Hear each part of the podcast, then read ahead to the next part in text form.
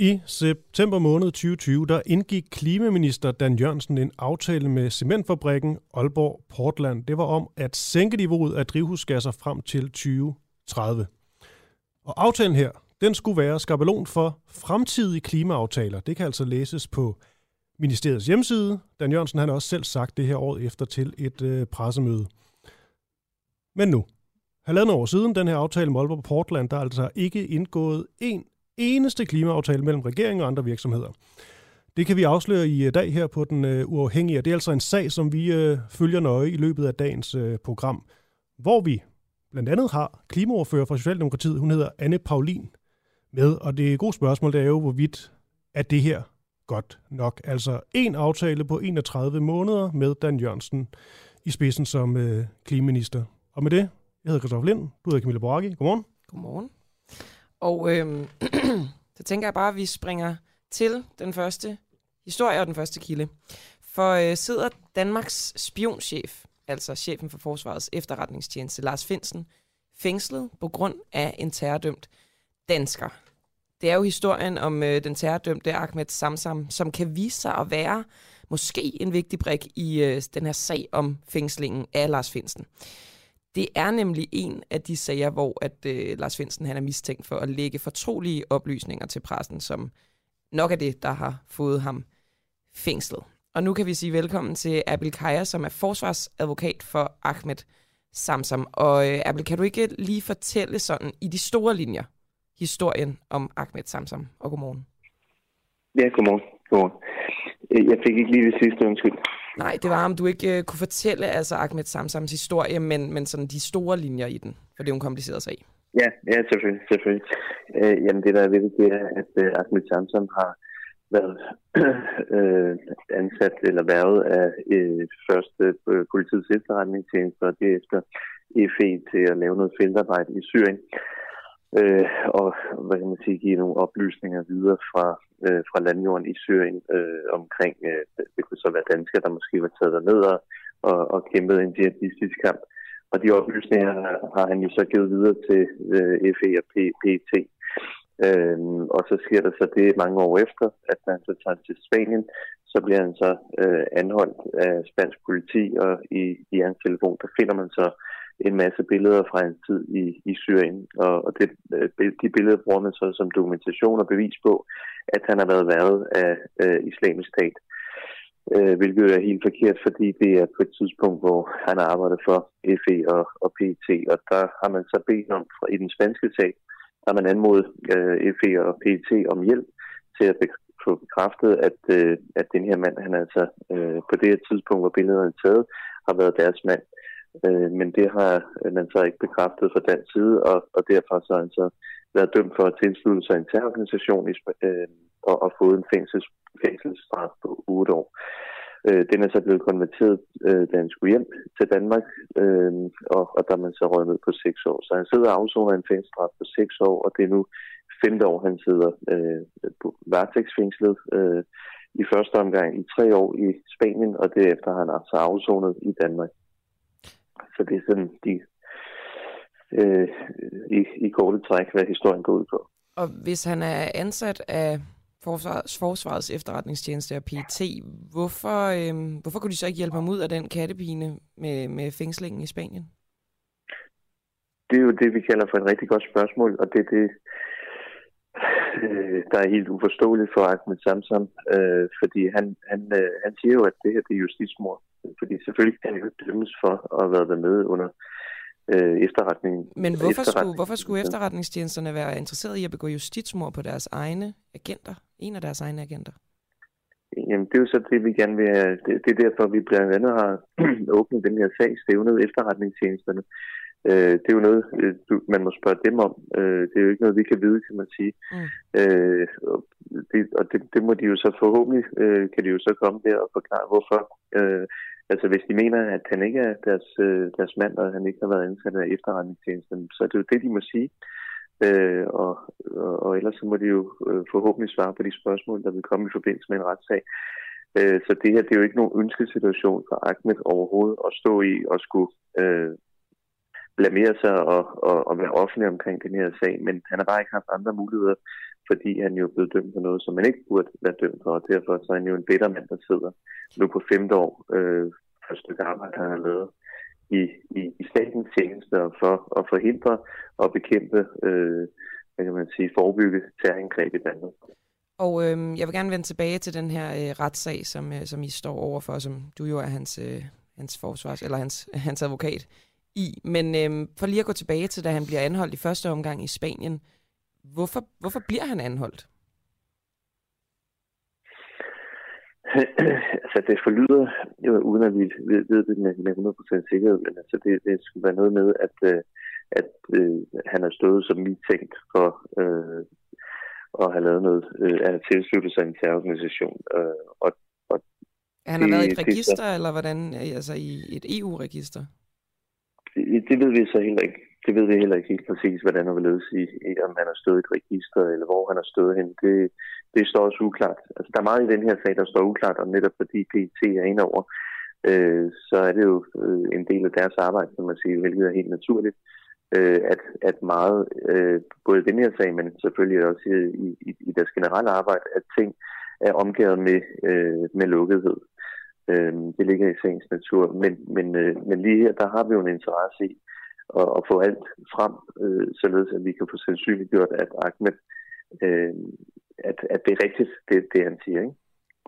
Altså han har jo, vi kommer til denne her øh, stævning af PET og FE, men altså Ifølge ham selv, så årsagen til, at han rejste til Syrien, var jo, at netop var betalt, øh, betalt agent af FE og PET. Men det er jo, altså det er jo, vi er jo enige om, det er jo, det er jo hans ord. Ja. Jeg skal bare lige forstå, har de, øh, FE og PET, benægtet, eller har de bare ikke øh, ville, øh, ville udtale sig om, hvorvidt det er sandt eller ej? Altså PET og, og FE henholder sig til, at de andre øh, må bede eller afkræfte, hvorvidt der er tale om øh, en agent, altså en af deres, sige, en af deres værvninger. Øh, så derfor så har de under, undervejs hele tiden fastholdt, at de hverken vil, vil bede eller afkræfte, hvorvidt øh, han var en betalt agent. Hvad er det så, der gør, at det, det lyder til, at du, øh, som hans forsvarsadvokat også selvfølgelig, men at du, øh, du tror på hans ord. Hvad er det, der i hans ord overbeviser dig om, at øh, han fortæller sandheden? Det, man kan sige, det er, at øh, det, det er jo ikke mange muligheder, man har øh, som agent. Altså, hvis man har et, et problem med efterretningstjenesten som øh, betalt agent, jamen, så er det ikke mange muligheder for, øh, man har for ligesom at afsløre øh, sin, Øh, at det, man siger, det, det skulle være sandt. For man har ikke, man har jo ikke øh, ansættelseskontrakt, som man kan fremvise. Man har ikke, hvad hedder det, øh, penge, der går ind på, på kontoen gennem FE og PET. Øh, det er jo penge, man får i hånden øh, som, som en del af lønnen. Øh, så, så på den måde er mulighederne for at dokumentere og bevise de ting, man siger, de er, øh, de er meget små. Men det vi jo bare kan se, og det er jo specielt Berlingske øh, og DR's dækning, øh, og som jo har haft adgang øh, åbenbart til en række kilder i efterretningstjenesterne, øh, som de vurderer er troværdige, og på, på den baggrund har bragt en lang række artikler, som jo øh, netop bekræfter, at han var betalt, og de er jo formentlig stået frem, kunne man forestille sig, fordi at man har lagt en af sine egne i stikken. Altså at man først har været, og så har man så kastet ham under bussen, så at sige, efterfølgende.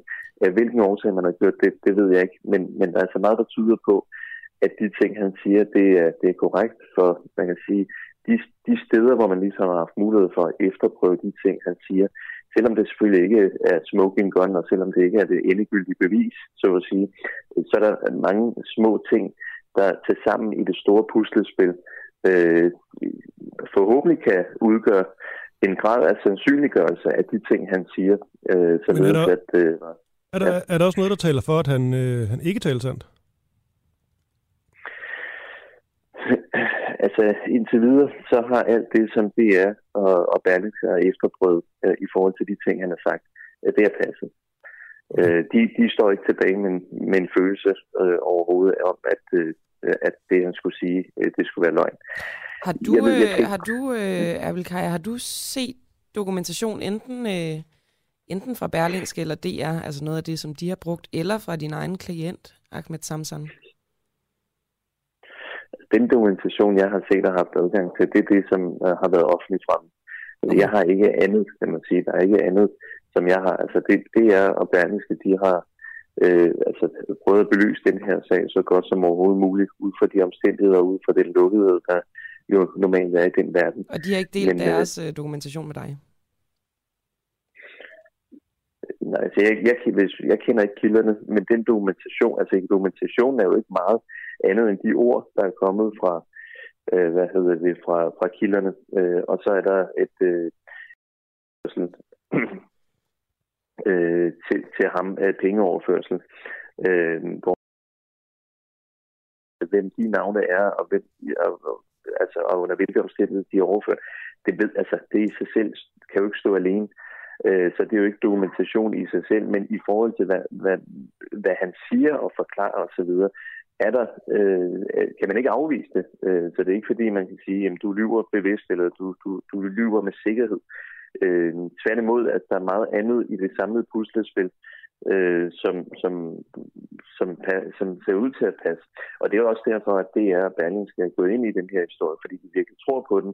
De kan jo ikke bare skrive øh, artikler ud fra øh, et eller andet, som anonyme kilder øh, siger. Øh, men, men lige præcis i den her sag, der har de jo været nødt til at skrive øh, ud fra anonyme kilder, fordi der selvfølgelig aldrig øh, er nogen fra efterretningstjenesten, øh, som, som vil stå frem offentligt. Det giver jo så, selvfølgelig sig selv. Øh, vi kan jo bare se, hvad der skete med Lars Finsen og, og de andre sigtede i sagen. Og øh, det her er altså sagen om Ahmed Samsam, som lige nu sidder fængslet for terror, øh, men som angiveligt har arbejdet som agent for både PT og Forsvarets efterretningstjeneste blandt andet i Syrien. Og øh, I har nu lagt sag an mod tjenesterne, fordi at øh, I simpelthen føler, at han er blevet misbrugt og, og, og behandlet forkert i hele den her sag. Øhm, og du er hans øh, forsvarsadvokat, Erbil Kaja. Hvem, altså inden den her sag bliver, bliver beskrevet offentligt i pressen, øhm, hvem udover Ahmed Samsam selv, havde så kendskab til hans spionvirksomhed? Øh, altså mig bekendt ingen andre end øh, PET og FE. Og, og er det, er vi, snakker vi på topniveau her? Altså, hvilken slags spion var han? Var, det, var han sådan en, som, øh, som, som det var topcheferne i Forsvarets efterretningstjeneste og PET, som ligesom havde med at gøre? Det, det, det, det, øh, det ved jeg ikke. Det, det, det er ikke min fornemmelse, men, men altså, Øh, altså hvis, hvis du tænker på, at man har altså en direkte kontakt til, øh, til, til cheferne på efterretningstjenesten, nej, det, det, det går ikke ud fra, det er slet ikke min fornemmelse. Øh, men, men øh, de har selvfølgelig kendt til ham, øh, gået ud fra, det kan jeg ikke forestille mig endnu. Og kunne den her sag med Ahmed Samsam, det bliver der jo spekuleret i, kunne det være den, som øh, Lars Finsen simpelthen har lægget til pressen, fordi han måske også selv synes, at det var uretfærdigt, den måde, det foregik på? Øh, altså, den sag kører for dobbeltlukkede døre, øh, så, så jeg kan ikke sidde og spekulere i, om det er den sag. Men, men øh, der er jo noget, der tyder på, at altså, det, øh, ud fra, fra, fra den rundtur, kan man sige, som efterretning, cheferne for efterretningstjenesten har været på efterfølgende efter Lars Vinsens anholdelse, som vi jo har hørt om, som øh, chefredaktøren har talt om offentligt, øh, så er der jo tre sager, der er blevet nævnt, øh, hvor, hvor Ahmed Samsams sag så er den ene øh, af de tre sager. Øh, så om det lige er præcis at den sag, øh, han sidder varetægtsfængsel det ved jeg ikke. Om, øh, det, det, det tør jeg simpelthen ikke sige eller spekulere i. Okay, man taler jo ligesom om med øh, i forhold til de her øh, ret så markante troværdighedsproblemer for, øh, Forsvars efterretningstjeneste. Der er samarbejdet med NSA, der er Syriensbørnene, så er der så øh, agent øh, Samsam, og så er der en risikovurderingssituation i Afghanistan. Og vi fokuserer jo på, øh, på Ahmed Samsam her. Nu har du også nævnt, at øh, du også har en del af din viden fra øh, alt det, der er blevet øh, beskrevet i øh, pressen, i særligt øh, berlinske. De her oplysninger, du har fået og læst i, øh, i pressen, hvilke af dem kan kun komme fra øh, læk fra danske efterretningstjenester, ifølge din vurdering? Øhm, altså, øh, altså, ja, der, der er jo meget, de har skrevet. Altså, det, det er jo mange artikler, det er mange lyder, de, de har lavet omkring den her sag, øh, hvor, hvor øh, øh, de har henvist til øh, netop de her anonyme kilder. Og, øh, og, og man kan sige, at, øh, at det hænger jo meget godt sammen. Altså både i forhold til den tidsmæssige sammenhæng, som Ahmed har fortalt medierne om, øh, og hvad han har lavet derovre, og hvad formålet var. Altså alt det, det blev bekræftet øh, fra, fra de her kilder fra efterretningstjenesterne. Øh, så, så det ser ud til, at, øh, at det hele det ligesom går op i en højere enhed, og det hele øh, det, det passer. Jeg kan selvfølgelig ikke afvise, at der kan være, og sådan er det jo med, med hukommelsen, den kan jo nogle gange svigte en, øh, fordi man, man husker tingene forkert tidsmæssigt. Men det, altså, hvis der overhovedet er noget af den slags, så er det petitesseafdeling øh, og, og, og noget, som sker for os alle sammen. Men, men de store overordnede, vigtige linjer, kan man sige, øh, de, de, de er jo fuldstændig bekræftet i den afdækning af øh, sagen, som øh, Berlingske og, og DR har foretaget. Jeg prøver stadig at finde ud af dig som øh, forsvarsadvokat for øh, Ahmed øh, Samson. Nu siger du godt det med, at der er dobbeltlukkede døre og så videre. Men har Ahmed mm. Samson dig på ingen måde haft kommunikation omkring øh, Lars Finsen? Øh, altså, om vi har talt, om, om vi, hvis, altså hvis, hvis spørgsmålet er, om, om vi har talt om, øh, om der kunne være en forbindelse, ja, det, det, taler man selvfølgelig om, at det er fordi, det er jo det, medierne spekulerer i, og det de oplysninger, der er kommet frem i, i pressen, kunne tyde i den retning, at det kunne være øh, en af de tre sager, eller det kunne være alle de tre sager, der til sammen udgjorde øh, øh, sigtelserne. Ja, ja. Så selvfølgelig har vi talt om det, og, og, og, og det er også derfor, kan man sige, at øh, vi, vi nu finder det interessant at indkalde øh, Lars Finsen og, og, og, chefredaktørerne Øh, det er jo øh, på baggrund af den udvikling, der er sket. Det er jo ikke noget, vi lige havde forudset, at vi anlagde stævningen den 3. december. Øh, sigtelsen og anholdelsen og varetægtsfængslingen af de her øh, Øh, medarbejdere fra efterretningstjenesterne, og herunder viste sig så senere Lars Finsen. Det kom jo i, efter øh, stævningen, så derfor havde vi jo ikke lige regnet med, at, øh, at, at man ligesom kunne, kunne få mulighed for at bruge øh, de nye oplysninger, der pludselig kom. Øh, og det vil vi selvfølgelig prøve at gøre øh, for netop at, at understøtte og dokumentere den påstand, som Ahmed er kommet med. Fordi hvorfor skulle øh, chefredaktøren tage på turné hos den frie presse og på den måde øh, intimidere den ved at tro den med øh, fængselsstraf og så videre, hvis de blev ved med at skrive om de her sager, hvis der ikke var noget i den. Altså, det giver jo ja. ikke nogen mening. Det kan ikke afsted for sjov, kan man sige. Og som du også selv nævner, så er det her jo en af de sager, hvor øh, spionchefen øh, Lars Finsen, han er mistænkt for at lægge fortrolige oplysninger til, øh, til netop pressen. Nu sagde du også, det er jo noget, pressen øh, spekulerer i, men der selv mm. og Ahmed Samson, hvad, hvad går jeres spekulationer på? Ja, jamen, altså, det, det, er jo, det er jo en rimelig formodning, kan man, altså, det er jo en rimelig spekulation. Det er jo klart, at øh, når, når det lige præcis er tre sager, der kommer oven i hinanden, øh, så kunne, altså, det, det, det kunne da godt være en mulighed. Altså, øh, men, men jeg tør bare ikke sige, om det er den sag. Det, altså, det ved vi jo ikke. Øh, det ved vi intet om, så derfor så øh, tænker vi da også vores om, om det kunne være en af de sager. Ikke? Øh, altså, det må være en af de sager, ellers, øh, øh, ellers giver det jo ikke nogen mening. Øh, men hvad, hvilke af sagerne det er, og om det også er Ahmed Samson, Ahmed Samson sagen, det, det må tiden jo vise. Det kommer nok frem på et eller andet tidspunkt, tænker jeg. Hvad tror du? Jeg ved det ikke. Jeg, jeg ved det simpelthen ikke. Det, det er så slet ikke gissen eller gæt. Det, det er en af de tre sager, eller alle tre sager. Øh, så det, det tror jeg godt, jeg, jeg tør at sige. Men, øh, men hvad for nogle af dem, øh, det tør jeg ikke at gætte på. Hvad tror Ahmed Samsam? Jamen, det, det er det samme som øh, den holdning, jeg giver udtryk for her. Altså, det, vi er jo for, forbløffet, altså, vi er jo forbløffet over, at, øh, at det, at det overhovedet kan forekomme i Danmark, øh, at en, en øh, efterretningschef pludselig sidder inde. Det, som, jeg kunne læse mig frem til, så er der aldrig sket i, i, europæisk historie, øh, at øh, i hvert fald ikke i Vesteuropa. Europa så vi er jo øh, vi er meget forbløffet over, at det, det er kommet hertil. Øh, så han kan jo dårligt tro, at øh, øh, lille Ahmed skulle være en af årsagerne til, at, øh, at der sidder en efterretningschef øh, i, i fængsel. Så så det, på den måde er det en stor ting at, at skulle forestille sig, men, øh, men, men vi ved det ikke. Altså. Okay.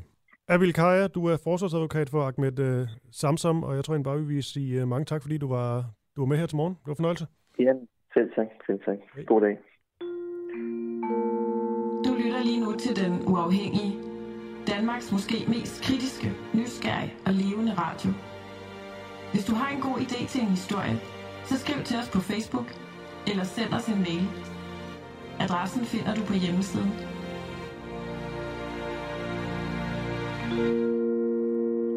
Camilla, jeg vil gerne lige, øh, jeg vil gerne lige spille noget for dig. Ja. Det er fra en, øh, en podcast på, øh, på Heartbeats, der handler om øh, ludomani. Ja. En far, som har været ludoman, og så taler med sin øh, søn om meget rørende egentlig. Jeg sad og hørte den her podcast, og så stod sig lidt over, at der stod, den var sponsoreret af, af Danske Spil, Okay. som på en eller anden måde er roden til, at man bliver ludoman. Ikke danske spil alene, men, men, men jo selvfølgelig i et eller andet. Der, der er jo nok en del ludomaner, som, øh, som bruger det i hvert fald. Bettingfirma har i hvert fald øh, et ansvar. Og det tror jeg egentlig også, de tager på sig. For prøv lige at, at høre her. Min søn har en djævel. Udgivelse af Odset for Danske Licensspil i samarbejde med Heartbeats. Husk, at du skal være minimum 18 år for at spille, og du skal gøre det med omtanke.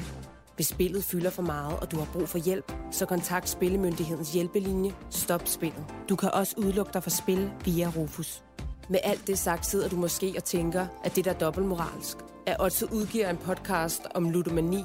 Er vi ude på at købe os til en god samvittighed eller lidt positiv omtale? For det første kan det aldrig være god omtale, når vores kunder kommer i svære problemer. Og det er aldrig det, vi ønsker. Og for det andet, når vi er en del af udfordringen, har vi også en pligt til at være en del af løsningen. Ja, det, og det jeg jo stusser over her, Camilla, det er, at øh, speakerstemme her øh, i talsætter jo, eller stiller et spørgsmål åbent, øh, så synes måske, det her det er, det er dobbeltmoralsk. Men så besvarer de jo selv deres eget øh, spørgsmål, de har stillet. Så jeg synes selvfølgelig, det kunne være meget interessant at rent faktisk øh, stille det samme spørgsmål, men så måske gå lidt mere kritisk til det. Ja, og så øh, siger de jo det der med, de, er, de har pligt til at være en del af løsningen. Ja. Hvordan vil de løse det? Det er det. Og heldigvis, så har vi øh, danske spil på. Det er om øh, ja, lidt over en time. Nej, det er under en time faktisk. Det er klokken øh, 8.10. Meget præcis tror jeg nok, danske spil er, er på, hvor vi altså lige hører om, hvorvidt det måske er øh, lidt hyklerisk at øh, sponsorere sådan en, øh, en podcast der, eller om de måske har fat noget. Det skal nok blive øh, interessant. Klokken er blevet 7.22, og nu skal vi videre. For er det nok, at Dan Jørgensen har underskrevet bare én klimaaftale med en virksomhed i sine 31 måneder som klimaminister. Fordi vi kan her på Den Uafhængige nu fortælle, at Dan Jørgensen ikke har underskrevet mere end den her ene aftale med firmaet Aalborg Portland øh, angående klima- og CO2-reduktion øh, siden september 2020. Øh, og det, det taler vi jo lidt om i dag, og det, det er jo til trods for, at den her aftale med Aalborg Portland ellers skulle være skabelon for fremtidige aftaler, ifølge Klimaministeriets hjemmeside og Dan Jørgensen. Og øh, Ulrik Bang er markedschef for klima, energi og miljø i Dansk Erhverv. Øh, Ulrik, har I medlemmer, der er blevet kontaktet af Dan Jørgensen med henblik på at lave en aftale som den, Aalborg Portland har, øh, har landet? Og godmorgen. Godmorgen, og øh, tak fordi jeg går med. Øhm, øh, nej, øh, meget bekendt har vi ikke haft nogen medlemmer, der er blevet kontaktet. Øhm, og man kan sige, set sådan helt overordnet set, det aftalekoncept, man, langede, eller man lavede med øh, Målborg Portland, tror jeg også, vi ser lidt som et forsøg på en, øh, en ny måde at lave klimapolitik på. Og, og når man laver forsøg, så, øh, så er det jo ikke altid, det går godt. Øh, og det her det er måske også et billede af. Men øh, når det er et forsøg, altså hvor længe øh, er det så meningen, at, øh, at forsøget ligesom skal løbe, før at øh, I tænker, at, at nu kan I begynde at lave aftaler? Jamen altså set fra, set fra Dansk Erhverv, så, øh, så har det jo ikke stået øverst på vores ønskeseddel, at man skulle lave sådan nogle aftaler med enkelte virksomheder. Øh, det vores medlemmer er optaget af, det er at få nogle klare og ens rammevilkår for alle virksomheder, øh, gerne få fjernet noget politisk usikkerhed, så man kan begynde at investere i nogle grønne løsninger. Det, det er det, der optager os. Og det oplever vi faktisk også, at, øh, at, øh, at et bredt flertal i Folketinget øh, er, er optaget af. Øhm, og det her var jo en aftale, regeringen lavede med, med Aalborg Portland. Så I håber egentlig på, at det ikke bliver en skabelon for, for fremtidige aftaler med virksomheder? Ja, altså man kan sige, det vi håber på, og, og det, vi, det vi hørte som noget nyt øh, fra regeringen, det var med statsministeren i spidsen, det var øh, nytårstalen, hvor hun gik ud og sagde, nu skal vi faktisk have en ambitiøs grøn skattereform, der gør det dyrere at forurene og billigere at drive virksomhed, øh, som er sådan essensen øh, set fra vores side. Øhm, og det er vi jo rigtig positive overfor, for det synes vi er vejen frem, øh, i stedet for at man laver sådan nogle håndholdte løsninger øh, til enkelte virksomheder. Øhm, og ja, nu, nu tager jeg faktisk lige tråden. Nå, det, det, så kan jeg da tage over så, så småt her.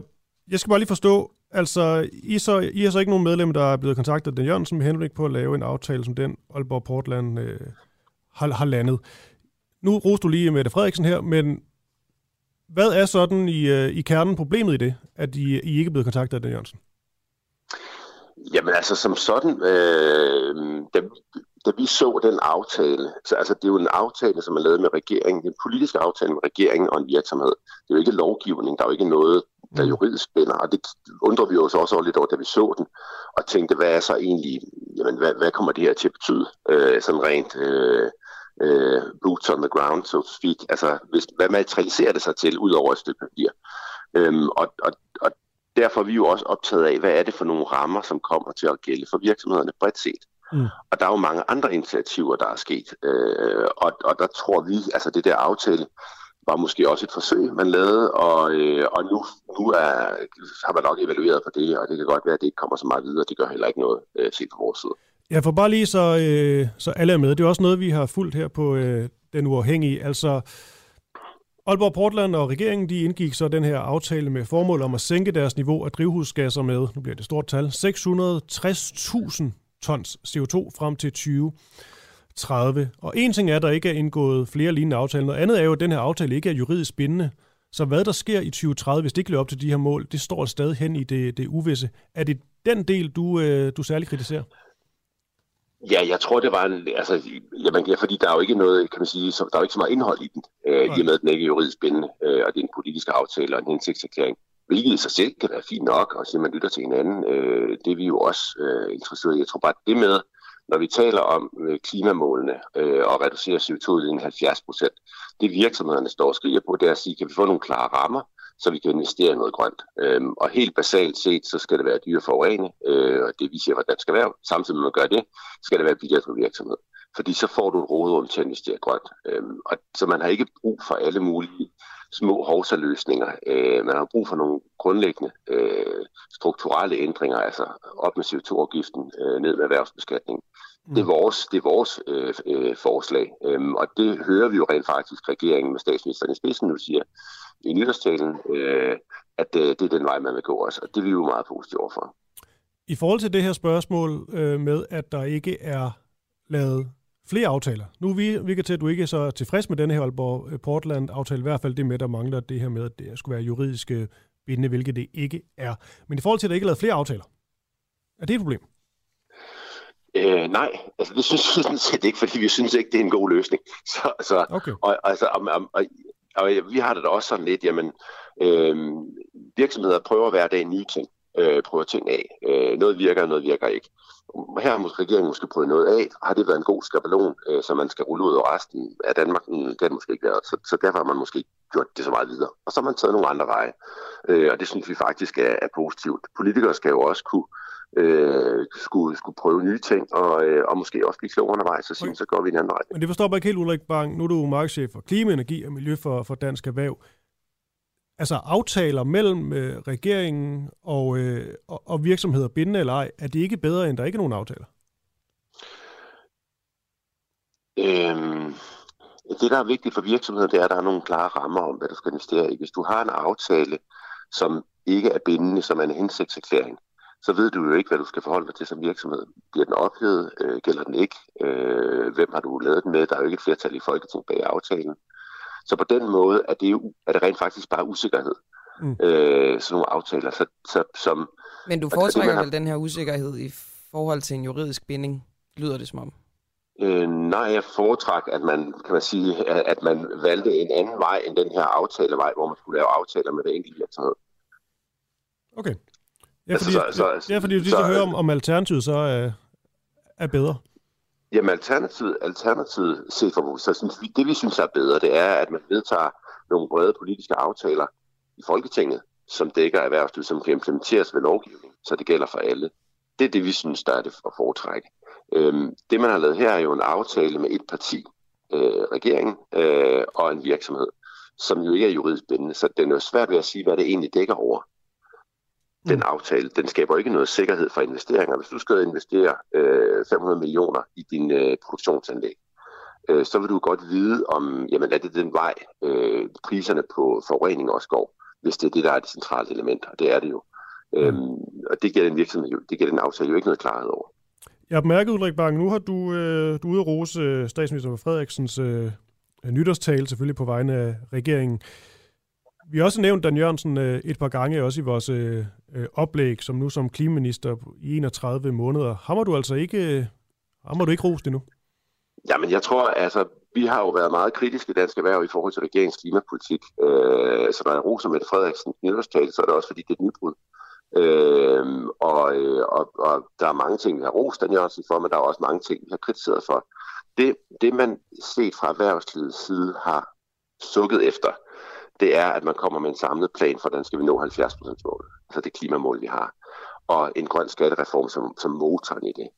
Man har ikke fået en samlet plan, og man har heller ikke fået en grøn skattereform, men nu er der jo en udmelding om, at det er det, vi vil have. Så så vi vælger at tage de positive briller på og så sige, at det glæder vi os rigtig meget til, og vi går meget positivt og konstruktivt ind i den dialog. Øh, og der kommer jo et udspil her fra en ekspertgruppe i løbet af næste uge, øh, det vi hører i hvert fald. Så, så, øh, så det er forventningsglæde øh, i øjeblikket. Okay, Ulrik Bang, markedschef for øh, klima, energi og miljø for, for Dansk Erhverv. Øh, tak fordi du ville med her til morgen. Selv tak. Og med, med det, så tænker jeg næsten lige kan nå sådan en lille promo for vores øh, eftermiddagsprogram. Ring, hvis jeg tager fejl.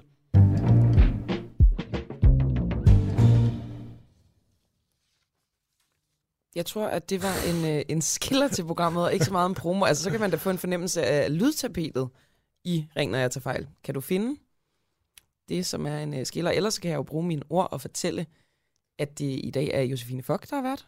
Mm. Og som øh, åbner sluserne. Og hun har så en påstand, og så kan lytterne ellers bare ringe ind og være dybt uenige eller enige ja. med hende.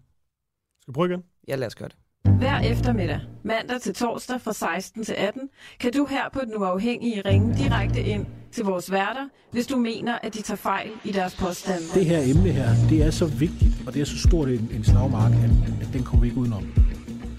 Men det, det er jo det, der er fantastisk, det er, at vi kan tale demokratisk. Lige nok, og det er det. Er, det, er det. Det, ja, og det er være uenige eller, eller enige om. Lige nok. Præcis pointen med det her program, det er jo, at vi skal, vi skal have talt om tingene. Også os, der er uenige. En ny påstand i hver udsendelse. Der er ingen sluser eller lyttercensur. Du kommer direkte igennem, og alt er tilladt, så længe du er uenig. Nu, nu siger jeg sådan meget direkte, nu har jeg prøvet både, både at have folk, der øh, øh, synes, jeg er en kæmpe idiot, øh, og så har jeg også prøvet at få noget på hovedet. Jeg har været dørmænd i 10 år. Jeg, jeg har fået øh, rigeligt rigelig med øh, knytnæver til ansigtet. Ja, man kan skrive ind på, til os nu på sms 1245, skrive du mellemrum din besked, sms 1245. Man kan også gå ind på øh, Facebook i sådan et live feed og blande sig øhm, gerne med, med gode spørgsmål, som vi ikke øh, selv kommer på. Og så kan jeg jo også lige sige, Camilla, at vi har jo øh, Anne Paulin med klokken, øh, klokken 8 fra Klimaordfører Socialdemokratiet, som svarer på denne her kritik af, at Dan Jørgensen han øh, kun har underskrevet én klimaaftale med en virksomhed i sine 31 måneder som, øh, som klimaminister. Ja, hvilket vi jo fik øh, dobbelt bekræftet af Ulrik Bang fra øh, Dansk Erhverv, som sagde, at der er ikke en eneste virksomhed, der ligesom, øh, hvor det er på tegnebrættet, at der skal laves flere aftaler. Og det, øh, så sender vi jo altså spørgsmålet videre nu til Rasmus Vestergaard Madsen, som er spidskandidat i Syd- og Sønderjylland fra enhedslisten. Altså samme spørgsmål. Er det nok, at Dan Jørgensen har underskrevet én, bare én klimaaftale med en virksomhed i sine 31 måneder som klimaminister? Og, og er det nok, Rasmus Vestergaard Madsen? Og godmorgen. Ja, godmorgen. Nej, det er da enormt sløvt, at øh, han sådan set har proklameret, at det var det store show, der skulle til øh, som en del af den grønne omstilling, vi er i gang i, og så har han faktisk kun fået lavet aftale med, med én virksomhed. Men jeg tror så heller ikke, det er den rigtige, den rigtige vej at gå.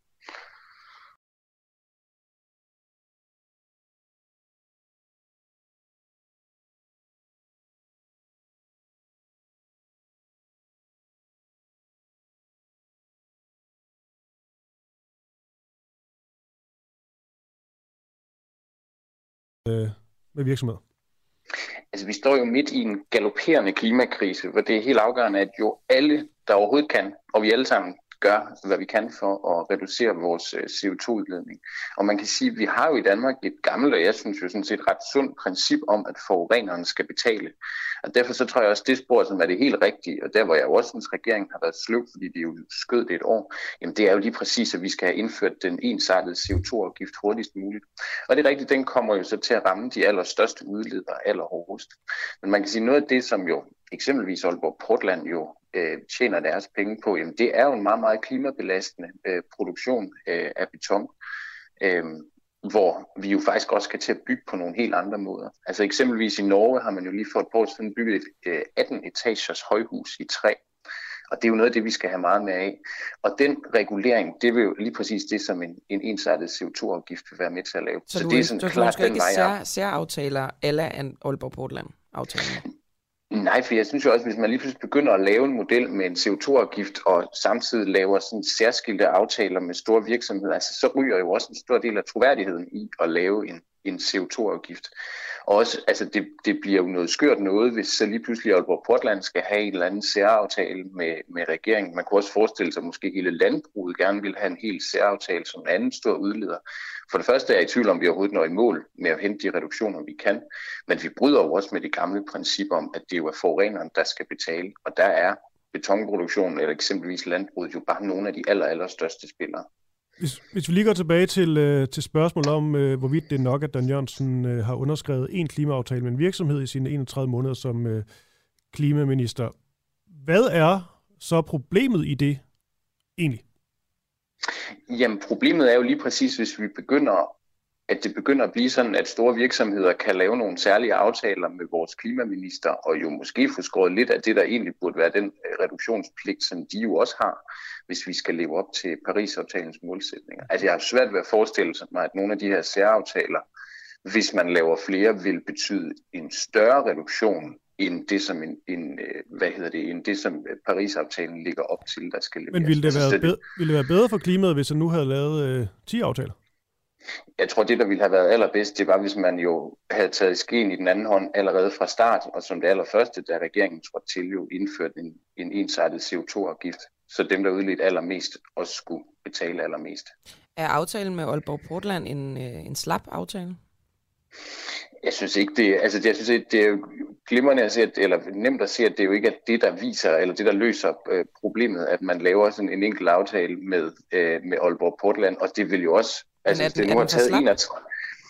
Øh, øh, det ved jeg faktisk ikke. Jeg har ikke, kender den ikke i detaljer. Jeg tror mere princippet i at lave de her aftaler øh, er ikke den, den rette vej øh, at gå. Så det her med, at Dan Jørgensen han, øh, han siger, at den her aftale skulle være en øh, skabelon for fremtidige aftaler. Så har vi så fundet ud af, at der ikke kom nogen øh, øh, fremtidige aftaler, der er blevet til noget konkret endnu.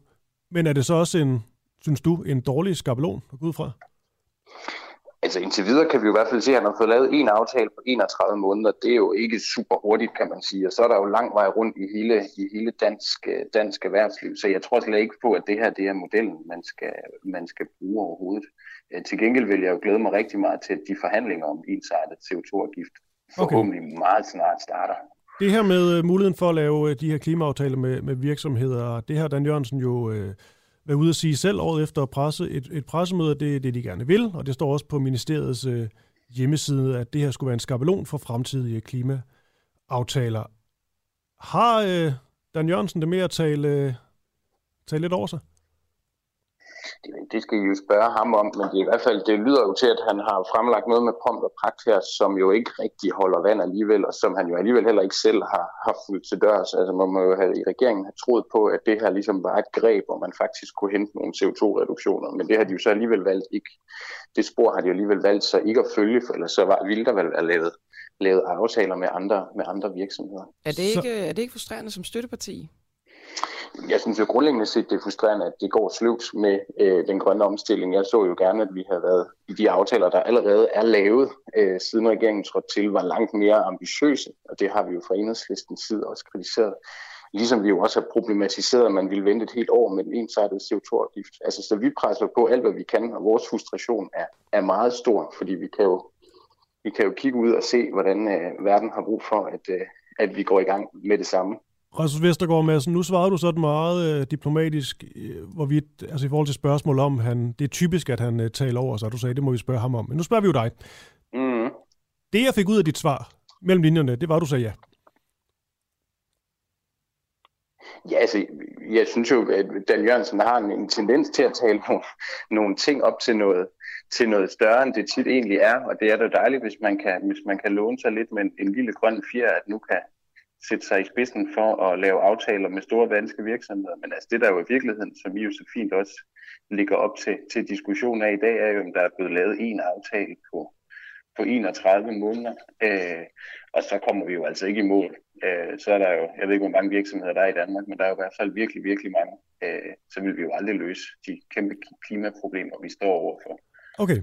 Spidskandidat i, i Syd- og Sønderjylland for Enhedslisten, Rasmus Vestergaard Madsen. Ja, vi taler jo med Anne, Anne Paulin her om 20 minutters tid, men uh, du skal i hvert fald lige have tak, fordi du er med her. Det var en fornøjelse. Kan vold bane vejen for demokrati? Afrika er ifølge FN's generalsekretær ramt af en decideret epidemi af militærkup.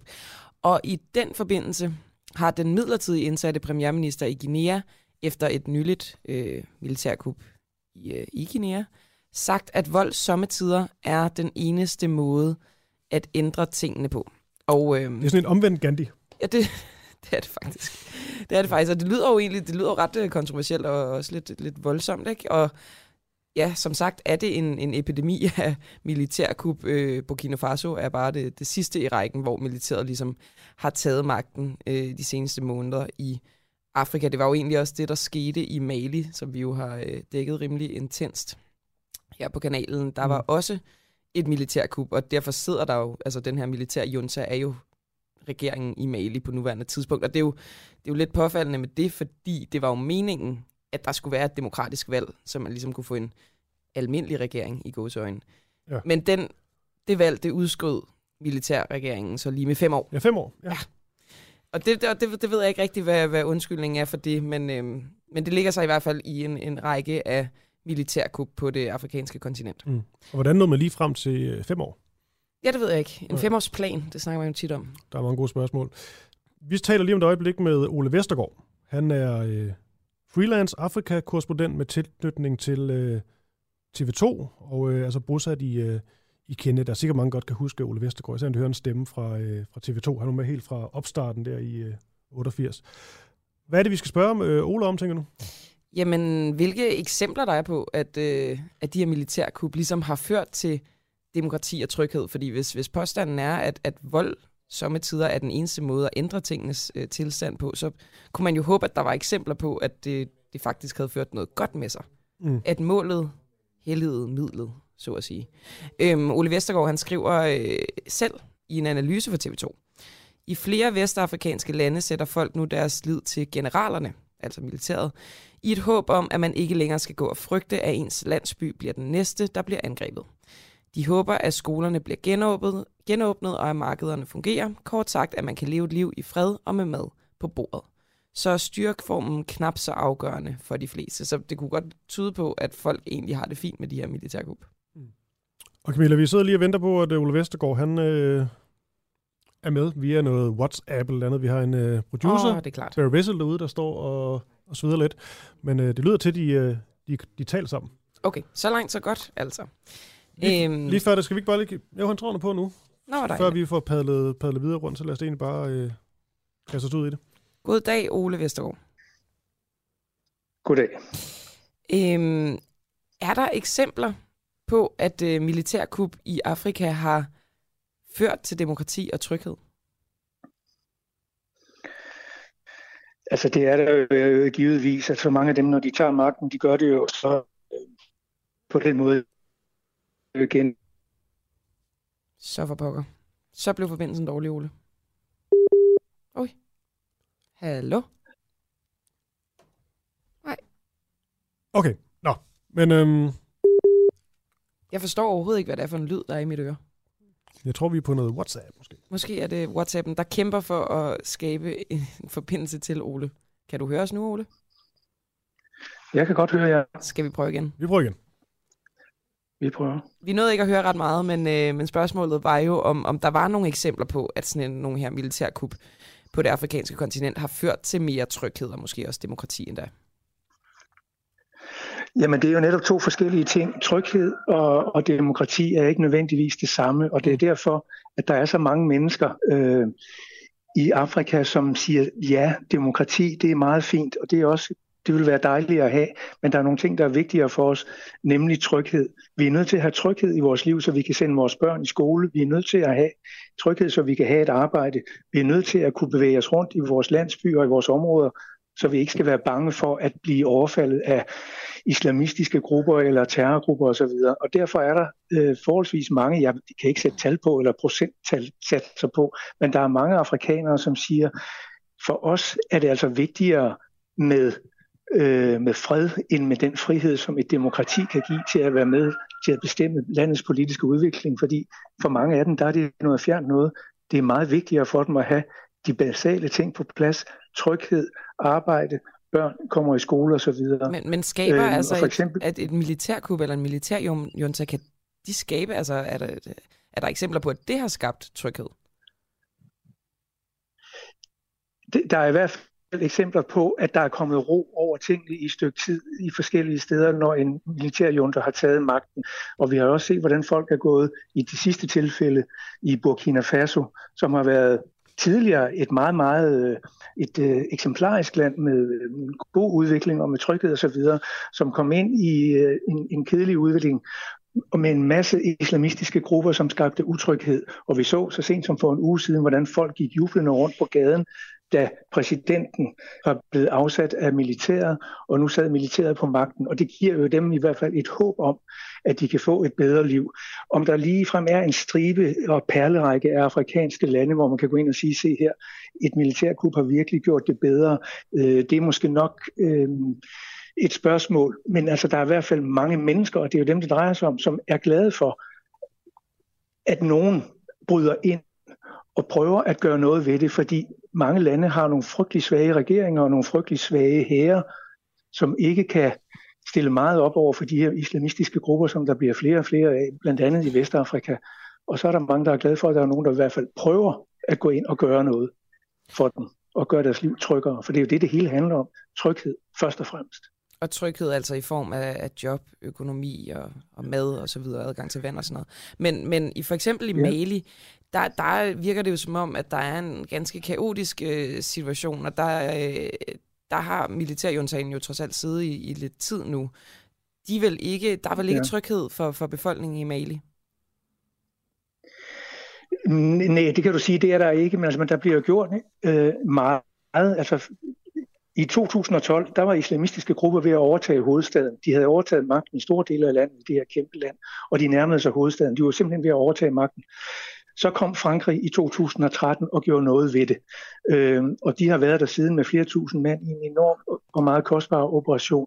Så der bliver jo gjort noget ved det, både af landene selv, af de unioner, de er medlem af, og ved de styrker, som de beder Danmark har også været til stede og været med til at øh, skabe en eller anden form for tryghed i, i visse dele af landet. Det er jo ikke til at vide, hvor, mm, hvor kritisk og eller alvorlig situationen ville have været, hvis ikke vi og franskmændene og andre havde været der på invitation fra mere eller mindre, mindre øh, lov øh, eller legitime regeringer.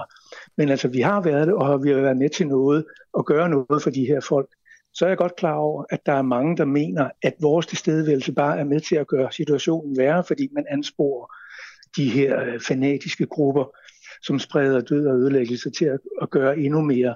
Men altså, det kan man jo ikke måle. Man kan jo kun, man kan jo kun gøre det, det gode, som man kan gøre, og hvis man prøver, så er man jo et godt stykke af vejen. Og der er, altså, der er jo altså nogen, som har fået det bedre i visse dele af for eksempel Mali, som godt nok har været igennem to militærkup her i de seneste om halvandet, halvandet år eller 17 måneder eller sådan noget. Er det, er det simpelthen en vestlig misforståelse, det her med, at vi ønsker jo, at en regering dels skal være øh, ikke voldelig, og dels den må ikke være korrupt osv., men, men er, det, er det fordi, vi simpelthen har misforstået, hvad det er, der er vigtigt på det afrikanske kontinent?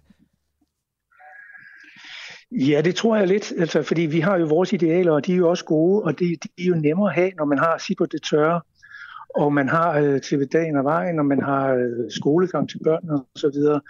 Øh, men altså, vi har jo også set andre steder i verden, hvordan det ikke er lykkedes og særlig godt at komme anstigende med vores øh, krav om øh, demokrati og god regeringsførelse og hvad vi har. Vi, altså, det har vi jo set også i, i Mellemøsten. Så altså, måske skal vi begynde at overveje lidt, hvad, hvad er det for nogle krav, vi stiller til de her landes regeringer og militærstyre, som vi jo også arbejder sammen med, når det er nødvendigt. Det gør vi jo blandt andet i Mali. Men altså, vi har nogle ret høje idealer, og det skal vi måske også have, men vi skal måske også være lidt bedre til at øh, justere dem i forhold til, hvad det er for en virkelighed, vi kommer ind i, og hvad er det for en virkelighed, folk ønsker først og fremmest. Ole Vestergaard, vi skal til at, til at lukke ned nu, og dejligt, at det lykkes med forbindelsen her sidst. Bare sådan en ren nysgerrighed. Altså, var det, var det en hane, der galede i baggrunden? Ja, der er både haner og kameler og det indiske ocean og alt muligt andet godt, og palmesus. Det er noget mere eksotisk end her i, øh, på Nørrebro. Men øhm, okay. Ole Vestergaard, øh, det var en fornøjelse. Kan du have en fortsat god dag? Ja, tak lige måde. Hej. Hej.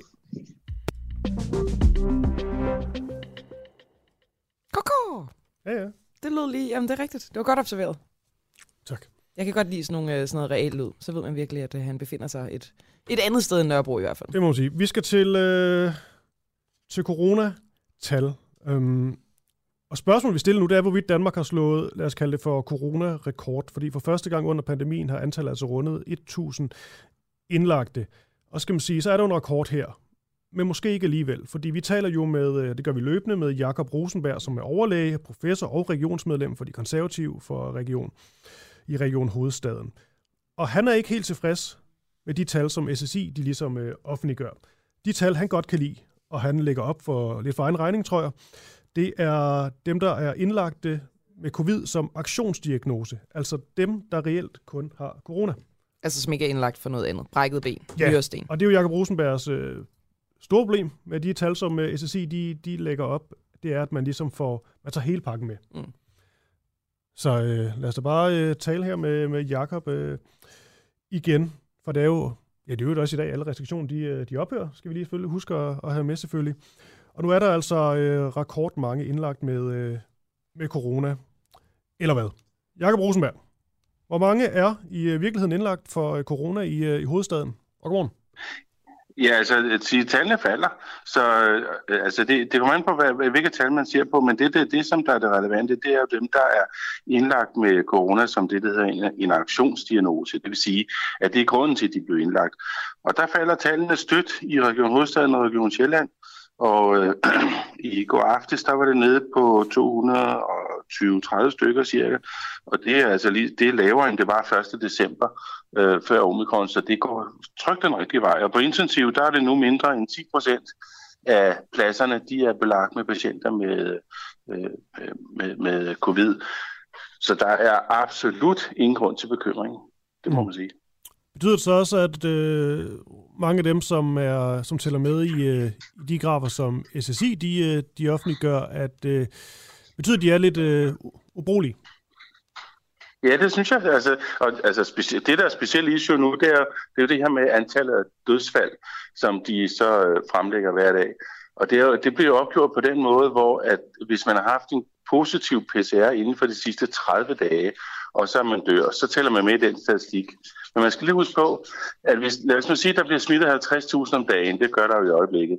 Det er jo det er omregnet, så er det cirka 1,5 millioner danskere på en måned, altså noget, der ligner en fjerdedel af landets befolkning. Og det er jo klart, at der dør jo nogen øh, hver eneste dag af en masse andre årsager end covid. Og hvis en fjerdedel har haft covid inden for en måned, så vil der være en masse, der tæller med i, uh, i Serum Instituttets opgørelser. Det er fuldstændig misvisende. Så jeg synes, man skal stoppe med at angive de der øh, dødsfald øh, med, med covid, fordi det, det giver overhovedet ikke nogen mening. Så du er altså både skeptisk, Jakob Rosenberg, over for døds, altså hvad man, hvordan man bruger antal dødsfald, øh, men også over for de her indlægningstal øh, af dem, der ja. er indlagt med corona. Jeg, jeg kommer til at tænke på, altså, når man er indlagt for noget andet, lad os sige nyresten, øh, men så også har corona, så sker der jo også noget altså kapacitetsmæssigt, fordi så skal man jo isoleres, og personalet skal tage deres forholdsregler osv. Så, videre, og så, videre. så, så det, at du ligesom dømmer det tal irrelevant, er det ikke også lidt misvisende? Jamen det, det, det er jo ikke irrelevant som sådan, men det er irrelevant for den diskussion, der handler om, om, om epidemien, øh, at, om den er udstyrlig, hvordan det går med smitten ude i samfundet og sådan noget. Alle de der overvejelser, og alle de her diskussioner med restriktioner og sådan noget, der er den irrelevant. Men det er selvfølgelig ikke irrelevant for, for, for det personale, der er på den pågældende sygehusafdeling. Fordi det er rigtigt, som du siger, det kan godt være, at de skal tage nogle forholdsregler. Men man skal stadig huske på, at det der med indlagte med corona i SSI's opgørelse, det er jo dem, der har været positive inden for 14 dage. Og hvis man har været positiv for 13 dage siden, og så bliver indlagt med nyresten, så er man jo rask. Altså ikke for nyresten selvfølgelig, men, men for corona. Man skal stadig isoleres, ikke? Nej, nej, nej, nej. nej, nej. Okay. Ikke hvis man ikke har nogen symptomer. Okay. Så, så, så der, der er en hel masse kuk i detalj der for sit det liv. Jeg, jeg, jeg synes altså et eller andet sted, at vi er nået til et punkt nu, hvor vi må ryste posen og så se på det på en ny måde. Fordi det, det giver ikke nogen mening, det der. Det er sådan nogle skræmme, skræmmetal. Men da vi, da vi snakkede med SSI, så siger de, at det handler også simpelthen også om, at det er svært for dem at indhente tallene. Og der bliver jeg jo lidt forvirret, for det virker som om, at du har ganske nemt ved at indhente tallene. Øhm, det, som SSI sagde, var, at de kunne ligesom ikke få det fra dag til dag. Kan du det, Jakob Rosenberg? Absolut, jeg kan få det fra minut til minut, og det kan SSI bestemt også. I hvert fald for Østdanmark. Jeg har ikke så meget styr på, hvad der foregår vest for Storbælt, hvad deres computersystemer kan. Men i Østdanmark, der kan vi trække det altså fra minut til minut. Det, det er absolut ikke nogen problem. Og, det, og det er jo, de, kan bare bede, de kan bare bede om tallene, så får de dem. Og det, og det er simpelthen så nemt der? Ja, det er ekstremt simpelt. Jeg det er 10 øh, tastetryk, ja. og så kører det. Jakob Rosenberg, det, det er ikke nogen hemmelighed, at vi har mange lyttere, som altid er begejstrede, øh, når, når du er med. Det er godt for dig. det er godt. Men der er jo selvfølgelig også nogen, som er mere kritiske, og dem, der, der, der er kritiske over for, for dig, det er jo fordi, jeg tror gerne, de vil vide, hvem det er, du taler for. Altså, er det, er det fuldstændig for egen regning, det her, når du er ude og kritisere regeringen og øh, SSI, eller er det, er det dig som regionsmedlem for, øh, for de konservative? Altså, det, det, er vel, det er vel ret besidende en kombination, øh, fordi øh, altså, det er, det er, altså, jeg prøver bare at tage sådan en sund fornuftskasketten på, og så krydder med, med noget faglighed, og, og altså, vores sygehusvæsen er ikke, er ikke pt. belastet af covid på nogen måde. Og det har jo hele tiden været argumentet øh, for at indføre restriktioner og holde danskerne i, i, i sådan et dejligt jerngreb. Ikke? Det, det er jo på grund af sygehusvæsenets belastning, og det, det går altså fint. Marianne, Lunden, en af vores lyttere, lige skrevet ind og spørger, er det irrelevant, hvor mange der er smittet? Hvem skal passe børnene i vuggestuen, når personalet er smittet og ikke indlagte? Øh, og så videre. Man kan sige, det er vel også en meget, godt, øh, meget god problematik at, at, at tage fat på. Absolut. Det er så afgjort relevant. Det har bare ikke noget med sygehusvæsenet at gøre, men det har noget med samfundet at gøre. Mm. Og det er, det er absolut relevant, fordi det er jo, hvis der er rigtig mange syge øh, pædagoger i, i vuggestuen, eller skolelærer, eller you name it, så er det da et kæmpe problem. Men så må man bare sige, at den, trods alt, den sygdom, den varer måske 3-4 dage, eller måske lidt mere, afhængig af hvem man er. og så er det overstået for den enkelte, og så har man sin, sin immunitet over for den aktuelle variant. Men, men, der, er men der, er jo stadig, noget, altså, der er jo stadig en masse, der, der er smittet, og nu er der også ligesom en, en version 2 af, af Omikron, som, som er meget mm. mere smitsom, så det må jo, nu, nu taler du om, at restriktioner, ligesom, øh, dem, dem er du ikke så vild med, men det, det vil jo stadig belaste, altså for eksempel institutionerne. Ja, jamen det er jeg helt fuldstændig enig. Men det så er hvad, jo, vil det er du jo ligesom... gøre, hvad vil du mene, man skal gøre for ligesom, at sikre, at vores børn stadig kan blive passet?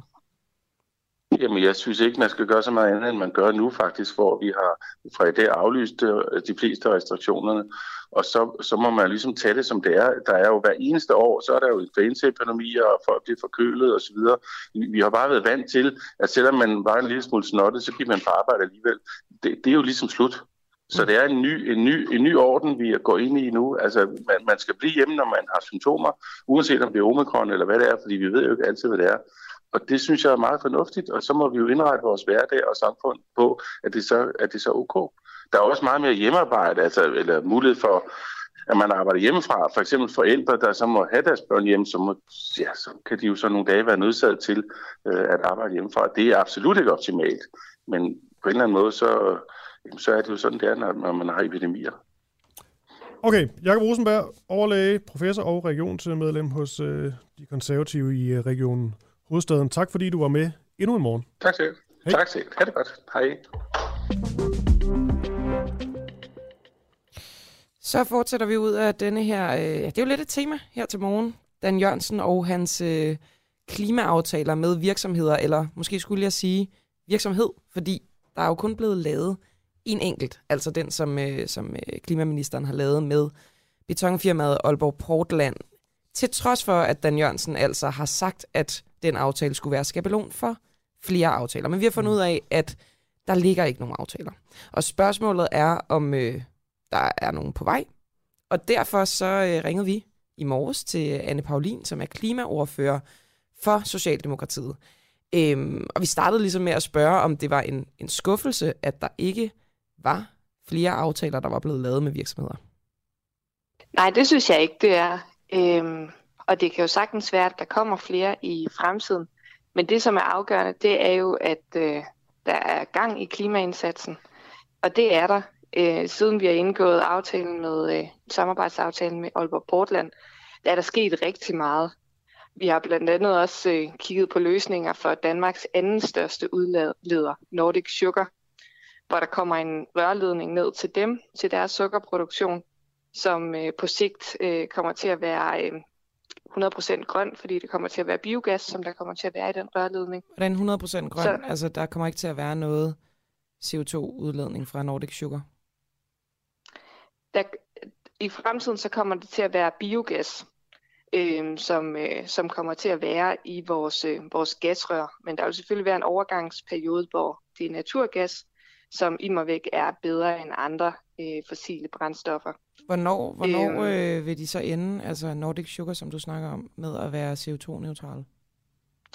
Det kommer jo an på, hvor hurtigt øh, biogassen bliver, øh, bliver fyldt op i naturgasnettet, men øh, øh, så vidt jeg ved, så er det jo sådan en gang i, i start midt 30'erne, at man regner med, at naturgasnettet øh, her i Danmark er 100% biogasbaseret. Men Anne Borlin, jeg, jeg Eller i hvert fald, ja. at øh, forbruget i Danmark er 100% biogasbaseret. Okay, Anne Borlin, jeg forstår også ikke helt. Ja. Dan Jørgensen har, været, har haft 31 måneder til at skrive nogle aftaler. Han har sagt, at denne her aftale med øh, Aalborg Portland, det ligesom skulle på en eller anden måde øh, sætte kursen for at lave flere af de her øh, virksomhedsklimaaftaler. Men altså, der er ikke begået, begået en eneste ud over den her aftale. Og du siger stadigvæk, at det ikke er en skuffelse.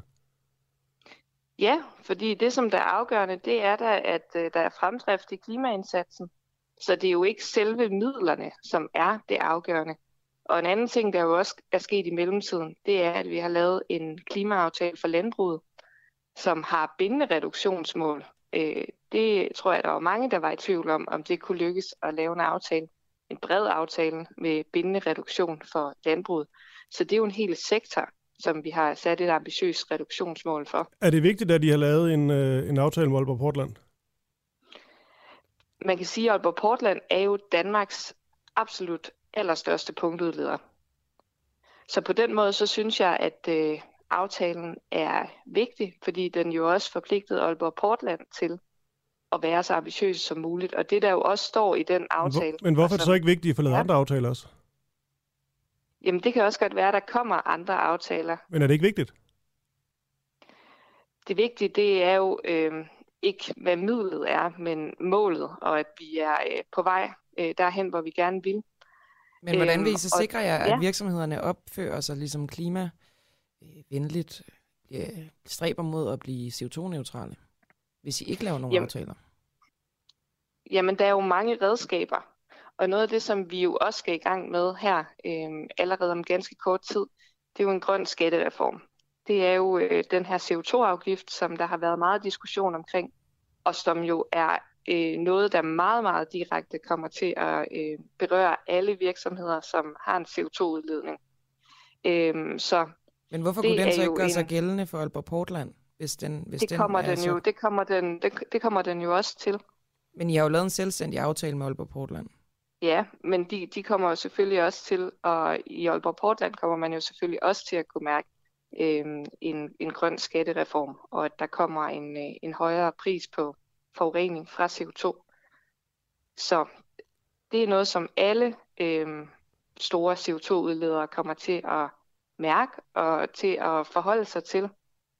Øh, så på den måde, så er der jo rigtig, rigtig mange forskellige redskaber i øh, klima øh, redskabsskuffen. Okay, altså du siger meget det her med, at der er mange, mange redskaber, og det vigtigste er, at der øh, sker noget, ikke helt hvordan man gør det, så vidt jeg, jeg kan forstå. Men altså alligevel, så efter den her aftale med Aalborg Portland, så har Dan Jørgensen jo selv været ude at sige, at øh, det ligesom skulle være en skabelon for fremtidige lignende aftaler. Det står både på ministeriets hjemmeside, det er også noget, han selv har sagt året efter til et, øh, et pressemøde. Hvorfor skulle han sige det her, hvis det ikke er så vigtigt med, at det, man har aftale på plads? Jamen, vi synes også, at den aftale med Aalborg Portland er vigtig, fordi de er en stor udleder. Men det her Men jeg er sagde, en, skabe, en skabelon ja. til fremtidige aftaler. Ja. ja, og det kan også sagtens være, at øh, der kommer øh, flere aftaler, øh, der går ind på samme måde og, og øh, altså, er, er underskrevet af både, kan man sige, en, en virksomhed og, og Har I nogen på tegnebrættet? Men øh, det, det, kan, altså, det, det er selvfølgelig ikke noget, som som jeg kan sidde og sige her i, i radioen. Du behøver ikke, du behøver ikke Men, sige hvilke, du kan bare sige, om I har nogen på tegnebrættet. Jamen, det, det vil jeg ikke gå ind i. Men jeg vil sige, at det, som I jo siger, det er jo, I prøver at få det til at lyde som om, at det er et kæmpestort problem for klimaindsatsen, at der ikke øh, er lavet flere konkrete øh, aftaler, der går efter præcis samme skabelon som har vi, Portland-aftalen. Har, har vi sagt det? Og det passer jo ikke. Har vi sagt det på noget tidspunkt, det interview? Nej, men jeg synes, det er præmissen. Nej, altså lige nu der er præmissen jo egentlig, at Dan Jørgensen han har sagt, at man har lavet en uh, skabel, det her det skulle være en skabelon for fremtidige uh, klimaaftaler. Siden da er der ikke begået en eneste klimaaftale med en, uh, med en virksomhed. Det er det, vi undrer os over. Det andet, det er jeres spor. Okay, men så er, jeg, så er jeg glad for, hvis at, uh, det trods alt er ikke, ikke er sådan, I ser uh, på det. Fordi at uh, der sker rigtig, rigtig mange ting. Og altså eksempelvis det, øh, at vi får biogas ned til Nordic Sugar, vi kan fortsætte en, en sukkerproduktion, som ellers var flyttet ud af landet. Øh, det er Danmarks anden største udleder, som der der er lavet en, en, en, en fundet en løsning øh, til. Øh, og så er det selvfølgelig øh, lidt anderledes. Altså lavet, end, lavet en aftale måde, som, eller fundet en løsning? Der er jo, man kan sige, der er jo fundet en, lavet en infrastruktur, som der gør, at de kan blive ved med at have en produktion dernede. Øhm, og det er, det er vi tilfredse med, øhm, og at det kan ske øh, baseret på, på biogas i, i fremtiden.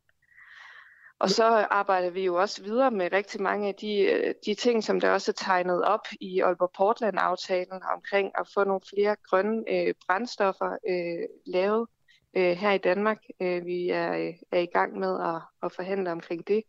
Øhm, og også noget som CO2-fangst er jo også noget, som vi er kommet meget, meget videre med øh, siden da, og som jo også kommer til at, at kunne bruges hos rigtig mange andre store punktudledere. Okay, men, men jeg skal lige høre, Anne Pauline, ja. er vi et sted, hvor du øh, som klimaordfører for Socialdemokratiet og Dan Jørgensen som klimaminister simpelthen ikke mener, at, øh, at det at lave aftaler med virksom, øh, klimaaftaler med virksomheder er vigtigt? Nej, det vil, jeg, det vil jeg ikke sige. Vi synes, at aftalen med Aalborg Portland er vigtig. Men det kan godt være, der kommer Øhm, vi har en øhm, aftale, der er formuleret på samme måde som, øh, som eller formuleret på den måde, som Aalborg Portland samarbejdsaftalen nu er. Men der er jo masser af samarbejde med erhvervslivet. Vi har jo klimapartnerskaber øhm, med stort set alle sektorer i Danmark. Men undskyld, øh, jeg afbryder. Har... Altså, ja. Når Dan Jørgensen siger, at det skal være en skabelon, så er det vel netop, altså, at den skal ligne aftalen med Aalborg Portland. Jeg tror, jeg er lidt svært ved at forstå, hvorfor der ikke ligger noget i pipeline så, som ligner. Jamen det jeg siger, det er, at det kan også være, at der kommer flere øhm, partnerskaber af lige præcis den her samme måde, som formuleret med øh, Aalborg Portland-aftalen. Øh, Men det vigtige, det er jo, at vi ser en fremdrift men det er jo og trods alt, at, at, at, det er jo bare ikke helt et, et svar. Altså, det kan være, at, øh, at der kommer, du må give et eller andet, der bare en lille smule Jamen, mere konkret. Det, det, er ikke, det er ikke det svar, som du gerne vil have, men det er det svar, som jeg tror er vigtigt også for de fleste danskere, som der går op i klimaet. Det er jo, at der sker noget, og vi har faktisk øh, fundet de værktøjer, som der skal til for at nå over halvdelen af vejen, øh, for at, og, øh, at opnå vores 70% mål her i løbet af bare to og et halvt år. Så konklusionen må ligesom være, at når Dan Jørgensen går ud og siger, at det var en skabelon for fremtidige aftaler, så er det et måske, og så er det så, at du siger, at I kigger måske andre veje, end at lige duplikere den her Aalborg Portland-aftale? Konklusionen er, at det kan sagtens være, at der kommer flere samarbejdsaftaler øh, lignende, fordi vi synes, at det er en, en god måde at arbejde på, og også få virksomhederne ind i, øh, i forpligtende gensidige aftaler. Må jeg, må jeg ikke lige spørge dig, Anne Pauline? Bare sådan må, helt... Nej, lad mig, lad mig lige tale ja, færdig også okay, for, for okay. en gang skyld, øh, tænker jeg. Men det betyder jo ikke, at der ikke er masser af samarbejde med erhvervslivet omkring øh, forskellige løsninger. Vi er i dialog på daglig basis med alle mulige virksomheder omkring, hvordan vi kan skrue lovgivning sammen, hvordan vi kan lave de bedste øh, støttepuljer osv., så, så det rammer lige præcis de behov, som der er derude. Det er der masser af dialog om. Jamen, det, det, og det giver total mening. Det er mere det her med, altså det med, at Dan Jørgensen går ud og siger, at det her er en skabelon for fremtidige aftaler.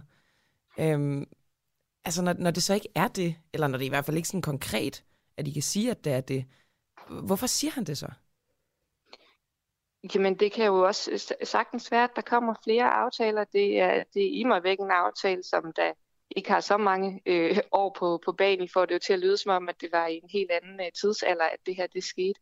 Øh, det er jo ikke en særlig gammel aftale. Det er Danmarks største udleder.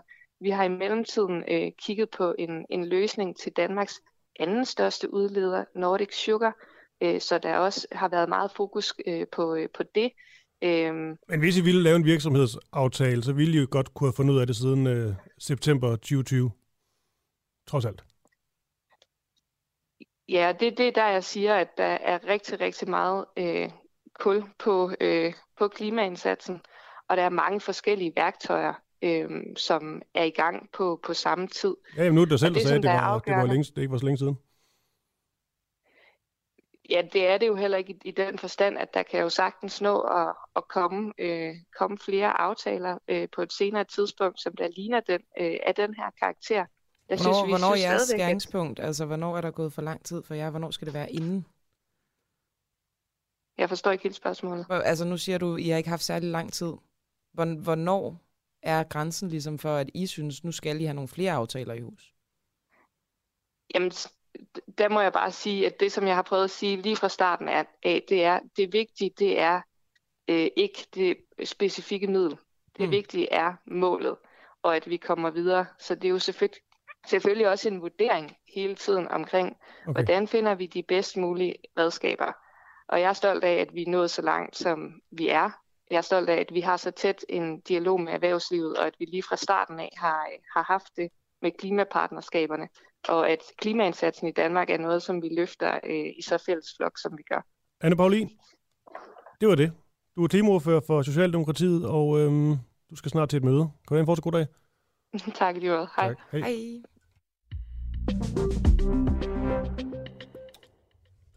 Således, Anne ja. Paulin. Og nu skal vi til øh, il og videre til, øh, til danske spil. Og øh, det spørgsmål, vi gerne vil have svar på, det er, hvorvidt det er dobbeltmoralsk, at det danske spil de sponsorerer en podcast om øh, ludomani. Fordi danske spil, de har i hvert fald selv et svar på det her. Prøv at høre. Min søn har en djævel. Udgivelse af Otse for danske licensspil i samarbejde med Heartbeats. Husk, at du skal være minimum 18 år for at spille, og du skal gøre det med omtanke. Hvis spillet fylder for meget, og du har brug for hjælp, så kontakt Spillemyndighedens hjælpelinje Stop Spillet. Du kan også udelukke dig fra spil via Rufus. Med alt det sagt sidder du måske og tænker, at det der er dobbeltmoralsk. At også udgiver en podcast om ludomani. Er vi ude på at købe os til en god samvittighed eller lidt positiv omtale? For det første kan det aldrig være god omtale, når vores kunder kommer i svære problemer. Og det er aldrig det, vi ønsker. Og for det andet, når vi er en del af udfordringen, har vi også en pligt til at være en del af løsningen. Ludomani skal aftabuiseres. Det vil vi være med til. Vi vil give plads til, at ægte spilhistorier bliver fortalt. Historier, som sætter tankerne... Hov for så.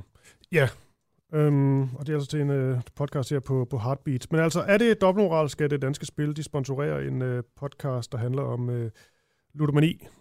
Danske Spil svarer øh, ret klart på det her. Det synes de egentlig ikke, det er. Men jeg tænker, man også kunne lave nogle andre svar. Altså, man kunne jo også øh, svare, at øh, reklamer, annoncering giver flere kunder, og flere kunder hos Danske Spil, det giver vel flere ludomaner.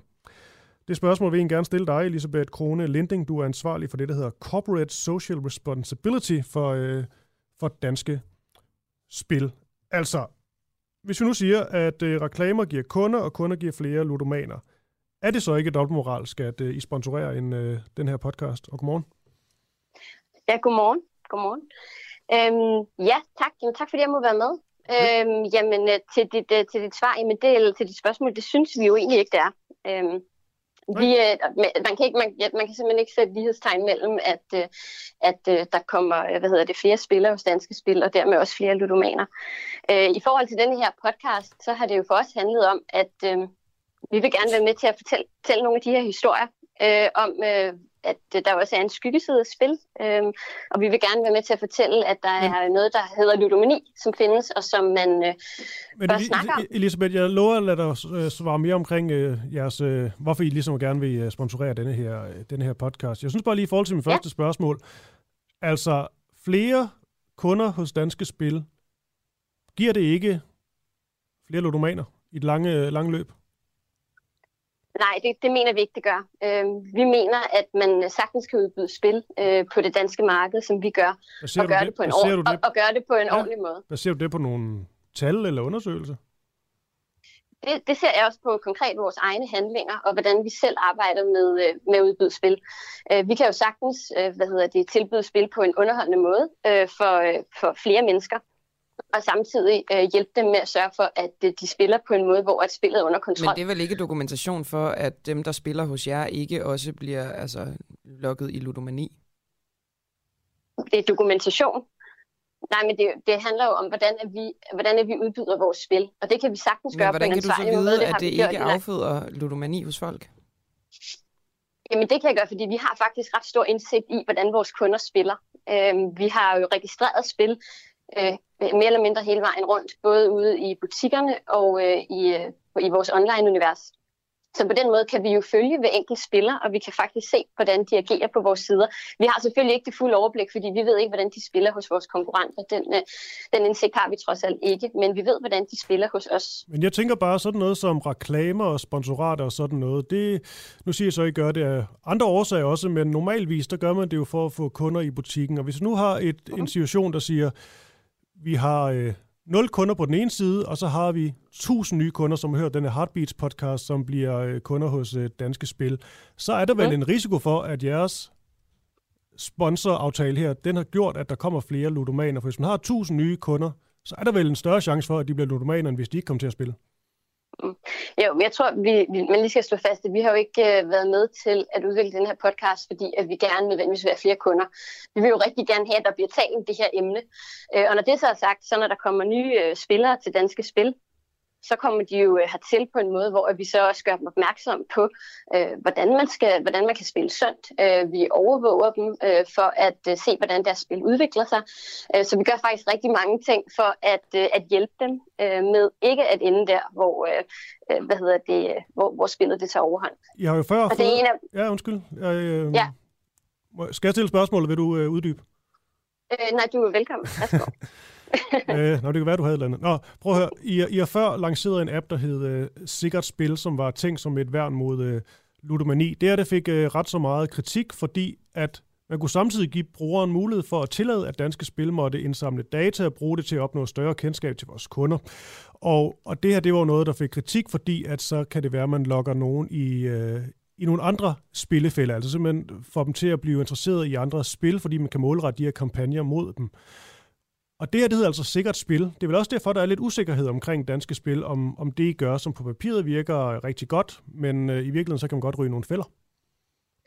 Øh, jamen, jeg tror måske, vi blander tingene en lille smule sammen. Altså, sikkert spil er, det er rigtigt, at det er en app. Øh, det er vores øh, app, som du skal registrere dig på hvis du vil spille sportsvedmål i butikkerne, øh, hvor, øh, ja, hvor vi forhandler øh, sportsvedmål. Mm. Så det er ikke en app, der skal øh, lokke nogle øh, spillere til at, øh, at spille mere eller spille på anden vis. Det er simpelthen et, et værktøj, som vi bruger til at øh, registrere vores spillere og dermed bedre kunne følge deres, øh, deres adfærd, når de spiller. Men det, er ikke med hen, det er ikke med henblik på, at, øh, at vi kan få flere til at spille uhensigtsmæssigt meget. Det er selvfølgelig for, at vi netop kan følge vores spillere. Hvis et spil ikke er registreret, og vi ikke kan følge dem, så har vi jo ikke muligheden for heller at intervenere, hvis det er, at vi kan se tegn på, at der er noget, der er ved at udvikle sig i en uhensigtsmæssig retning. Så det, det, er, øh, det er egentlig et, øh, kan man sige, et ansvarlighedsværktøj i virkeligheden. Mm. Men trods alt, hvis man indsamler data fra sine kunder, så kan man jo også bruge det til at målrette reklamer efter dem.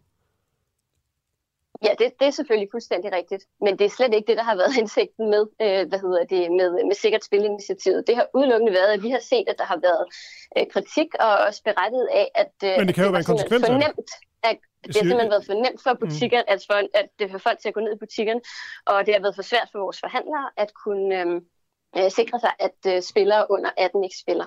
Så det, her, det er sikkert spils øh, fornemmeste opgave, det er at sikre sig, at det ikke sker. Ja, man kan sige, men det, det er også rent, det, det er jo hensigten, siger du så, så er god, men, men trods alt kan det jo også bruges på, på anden vis. Det der er først noget, der har fået kritik i forhold til det her med, med sikkert spil, men lad nu den, den ligge. I forhold til det her spørgsmål, så kan vi dog stille samme spørgsmål på sin vis, fordi hensigten her, ifølge dig, er jo, er jo god. Men der står jo stadigvæk, når man går ind på Heartbeats øh, side, og så skal ind og trykke på den her podcast, så står der jo en reklame med danske spil, og vi er vel enige om, reklamer og logoer og den slags, det har man for at få kunder i butikken?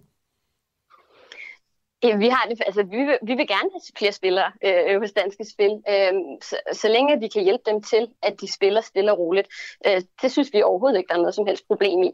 Øh, og, og det, at vi går med til at sponsorere en podcast, hvor man også taler om ludomani, det taler jo netop ind i, at vi gerne vil være med til at oplyse omkring nogle, øh, nogle faldgrupper, der kan være ved vores spil. Heldigvis spiller langt de fleste hos os jo stille og roligt. Og vi vil jo gerne være det, øh, den spiludbyder, som, som, som giver det underholdende tilbud for, for en, en rigtig mange danskere, øh, at man kan komme og spille hos os i trygge rammer. Øhm, og så vil vi jo gerne være med til også at forebygge, at det her udvikler sig til et problem. Så vi håber jo med sådan en podcast her, at øhm, der er, er, også Hvor, ja. spillere hos os, der vil lytte til den. Øh, måske deres familie vil lytte til, til, til de her podcasts og reflektere lidt over måske nogle egne oplevelser eller øh, adfærd, de kan se hos, øh, hos deres, øh, deres dem mm. selv eller hos deres pårørende. Hvor mange så, af jeres, kan komme til at tale ja, om det her. Mm, hvor mange af jeres øh, kunder hos Danske Spil er ludomaner?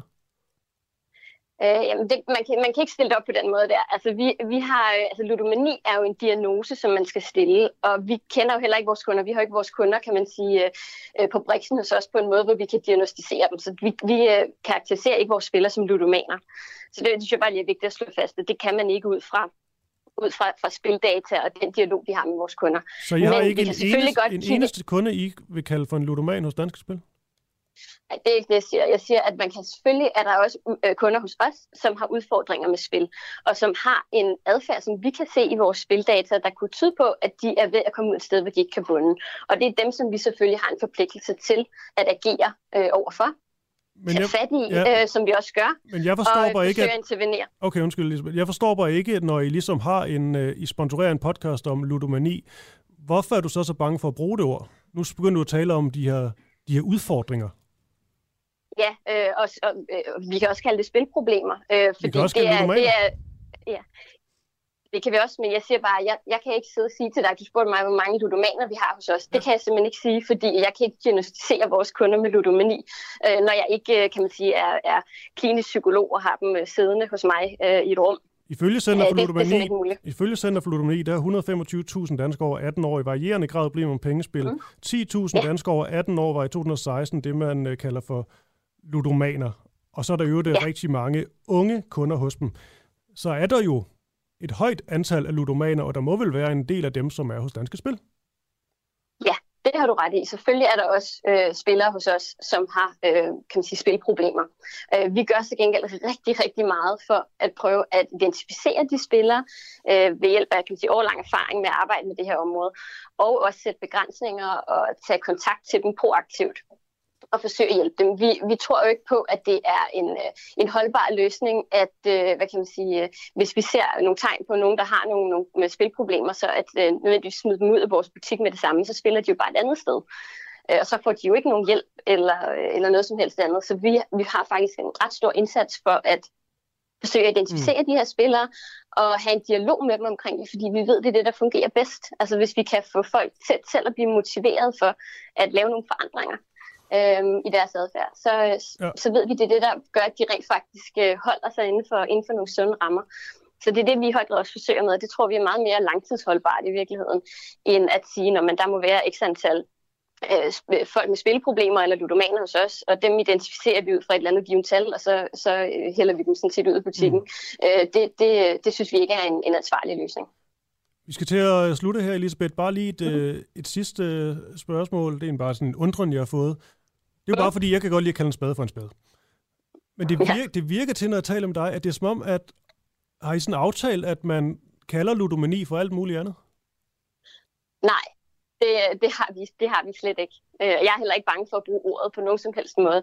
Jeg er bare bange for at lægge en, en markat på, på vores spillere, uden at, øh, at, øh, at jeg kan, kan man sige, diagnostisere dem med en, med en lidelse, som, som, som kræver, at man kender vedkommende relativt godt. Jeg tror, man undrer, så, men vi, jeg tror, man undrer mig, ikke har nogle mere klare tal på, hvor mange af jeres kunder, som er ludomaner. Jamen, det, det er også fordi, jeg ikke bryder mig om, at du siger, at, at, det, altså, at, det er, at det er ludomaner som sådan, fordi det kan jeg ikke sige. Men jeg kan godt sige, at vi har selvfølgelig en, et antal kan man sige, højrisikospillere, eller spillere, som, som øh, spiller relativt meget, og som vi derfor har en ret tæt dialog med øh, og overvågning på, fordi at vi vil selvfølgelig ikke have, at de kommer ud et sted, hvor de ikke kan bunde. Og vi vil gerne forsøge at få dem til at øh, reflektere over, hvor, mange, øh, hvor meget tid de bruger på spil, øh, hvor, hvad hedder det, hvor mange penge de bruger på spil, og eventuelt lave en forandring. Øh, eller, og, og vi gør faktisk også det, at vi, øh, at vi simpelthen også selv nogle gange sætter bremsen i, fordi at vi, at vi synes, at, øh, at øh, nu er, er der måske en spiller, der er, så, der er på vej ud et sted, hvor vi tænker, nu kan vi ikke hjælpe vedkommende mm. mere, så, så forsøger vi så at begrænse vedkommendes øh, spil hos os. Så det gør vi faktisk også, også selvom det går på bundlinjen, fordi det synes vi også er vores ansvar. Men vi forsøger med den der dialog, fordi vi tror på, at det er det, der virker. Okay, du fik det sidste ord. Elisabeth Krone Lending, ansvarlig for Corporate Social Responsibility, det var svært at sige, hos, øh, hos Danske Spiller. Podcasten, den hedder Min søn har en djævel, og kan høres på, øh, på Heartbeats. Så fik vi også godt reklame. Tak for det. Selv tak. Hej. Godt. Hej. Hej. Yes. Hvor langt rækker Kim Jong-uns atombombemissiler? Det er jo faktisk et øh, ganske relevant spørgsmål. Man kunne håbe ikke så langt.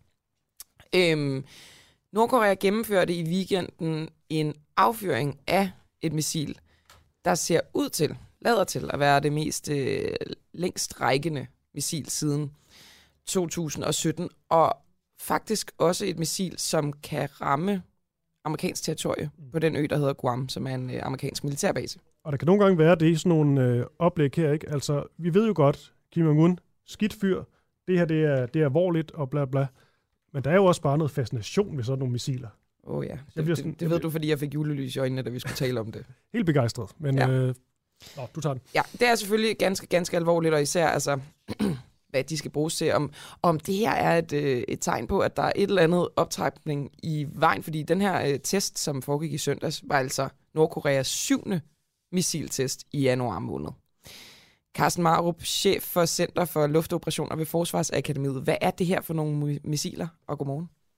Godmorgen. Jamen, det missil, som, øh, som du testede senest her, det er et øh, såkaldt Intermediate Range Ballistic Missile. Og oversat til dansk, så betyder det, at det ikke helt er et interkontinentalt, altså et, hvor man kan flyve fra Europa til USA.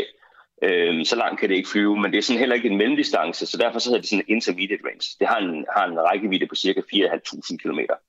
Og det er jo den type missil, som blev testet her senest. Det er jo et syvende gang, øh, at de tester lige præcis det her missil. Så det er en missil, som, som man har set flere gange før. Og det er også et missil, som kan ramme øh, den her amerikanske militærbase, der hedder Guam, eller øen, der hedder Guam, hvor der er en mili- amerikansk militærbase. Er det rigtigt forstået? Ja, der er i rundetal 3.500 km fra Nordkorea til Guam, og der er i øvrigt ca. 3.000 km fra Nordkorea til øh, Filippinerne, hvor amerikanerne også har baser.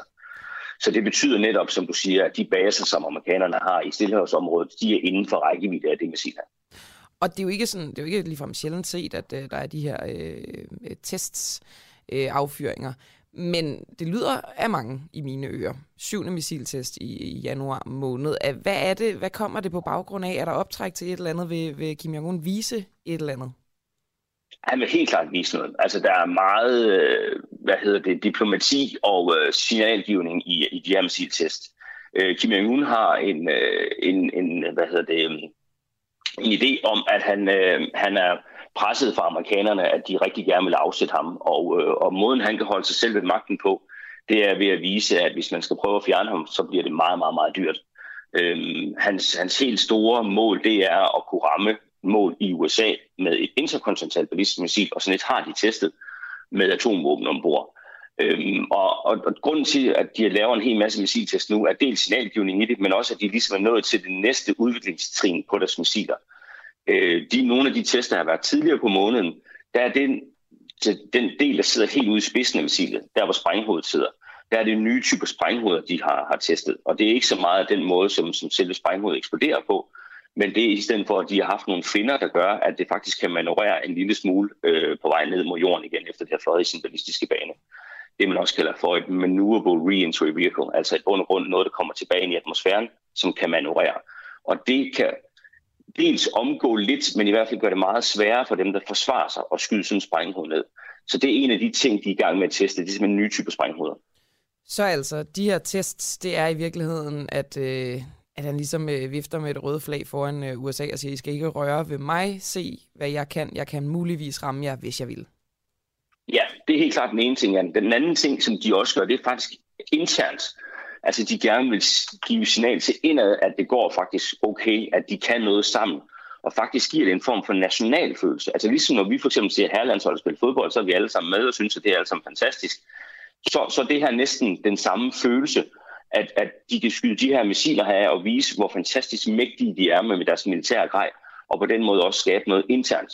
Så der er også en, øh, en, en intern, øh, en mål, intern mål for Kim Jong-un med at affyre den her type missil. Ja, jeg ved jo godt, det overhovedet ikke er sjovt det her, men jeg synes, det var en vidunderlig sammenligning, at, øh, at Nordkoreas atomvåben er øh, ekvivalenten til vores herrelandshold og den stemning, der var i sommeren øh, sidste år. Nå, Carsten Maup, det bliver ikke til mere fra, fra din side. Vi har ikke mere tid, men tusind tak, fordi du var med. Velkommen.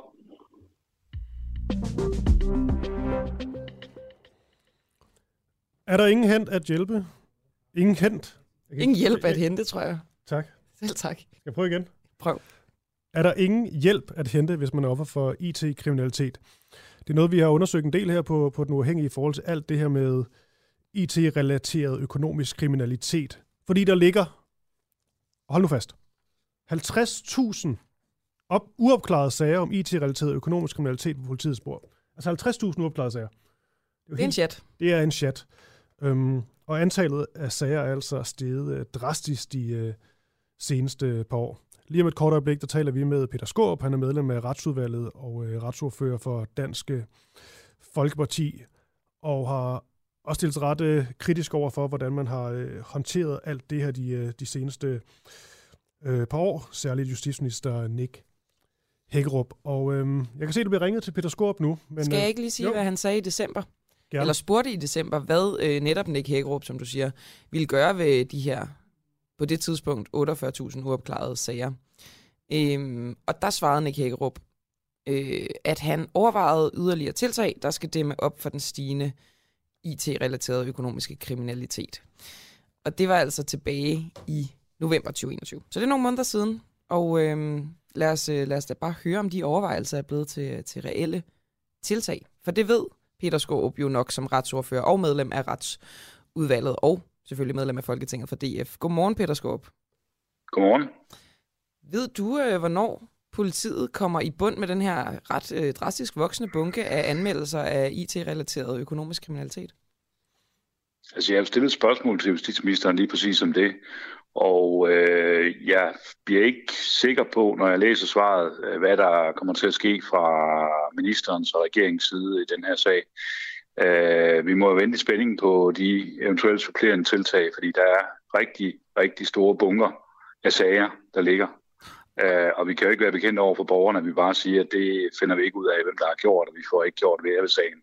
Det synes jeg ikke er holdbart. Og når du taler om det svar fra Nick Hækkerup, så er det det med, at han overvejer yderligere tiltag, der ligesom skal dæmme op for den her kriminalitet. Ja, han siger jo, at øh, politiet og anklagemyndigheden fremlægger en, en samlet plan for initiativer øh, her i forbindelse med første kvartal øh, i, i år. Og, og der, den, den må vi jo kigge på og, og tage et kig på, på de initiativer, som man fremlægger. Øh, og hvis vi på baggrund af den plan ikke mener, det er nok, så vil vi jo straks kræve yderligere løsninger fra ministeren, fordi jeg synes, det er et alvorligt problem, som vi bliver nødt til at få bukt med. Som jeg kan forstå det, Peter Skåb, så det her det kræver rigtig meget kapacitet at ligesom komme til bunds med den her bunke og også bare holde det i skak. Er øh, du villig til at afsætte flere penge, flere millioner, til at komme det her i? Ja, bestemt. Altså, jeg tror, at øh, allerede nu, jeg kan sige, at, at jeg tror på, at det kræver øh, en større tilførsel af ressourcer til politiet. Det behøver ikke være politifolk, det hele. Det kan jo også godt være nogle andre kapaciteter, andre medarbejdergrupper, som, som HK'er eller IT-folk eller lignende. Øh, fordi politiet skal til bunds i den her sagspunkt. Det er 48.000 sager, der har åbnet sig op, og man kan jo spørge sig selv, hvordan det kan være, at justitsministeren ikke for lang tid siden har, har sat ind, når der er så mange sager, der ligger på bordet.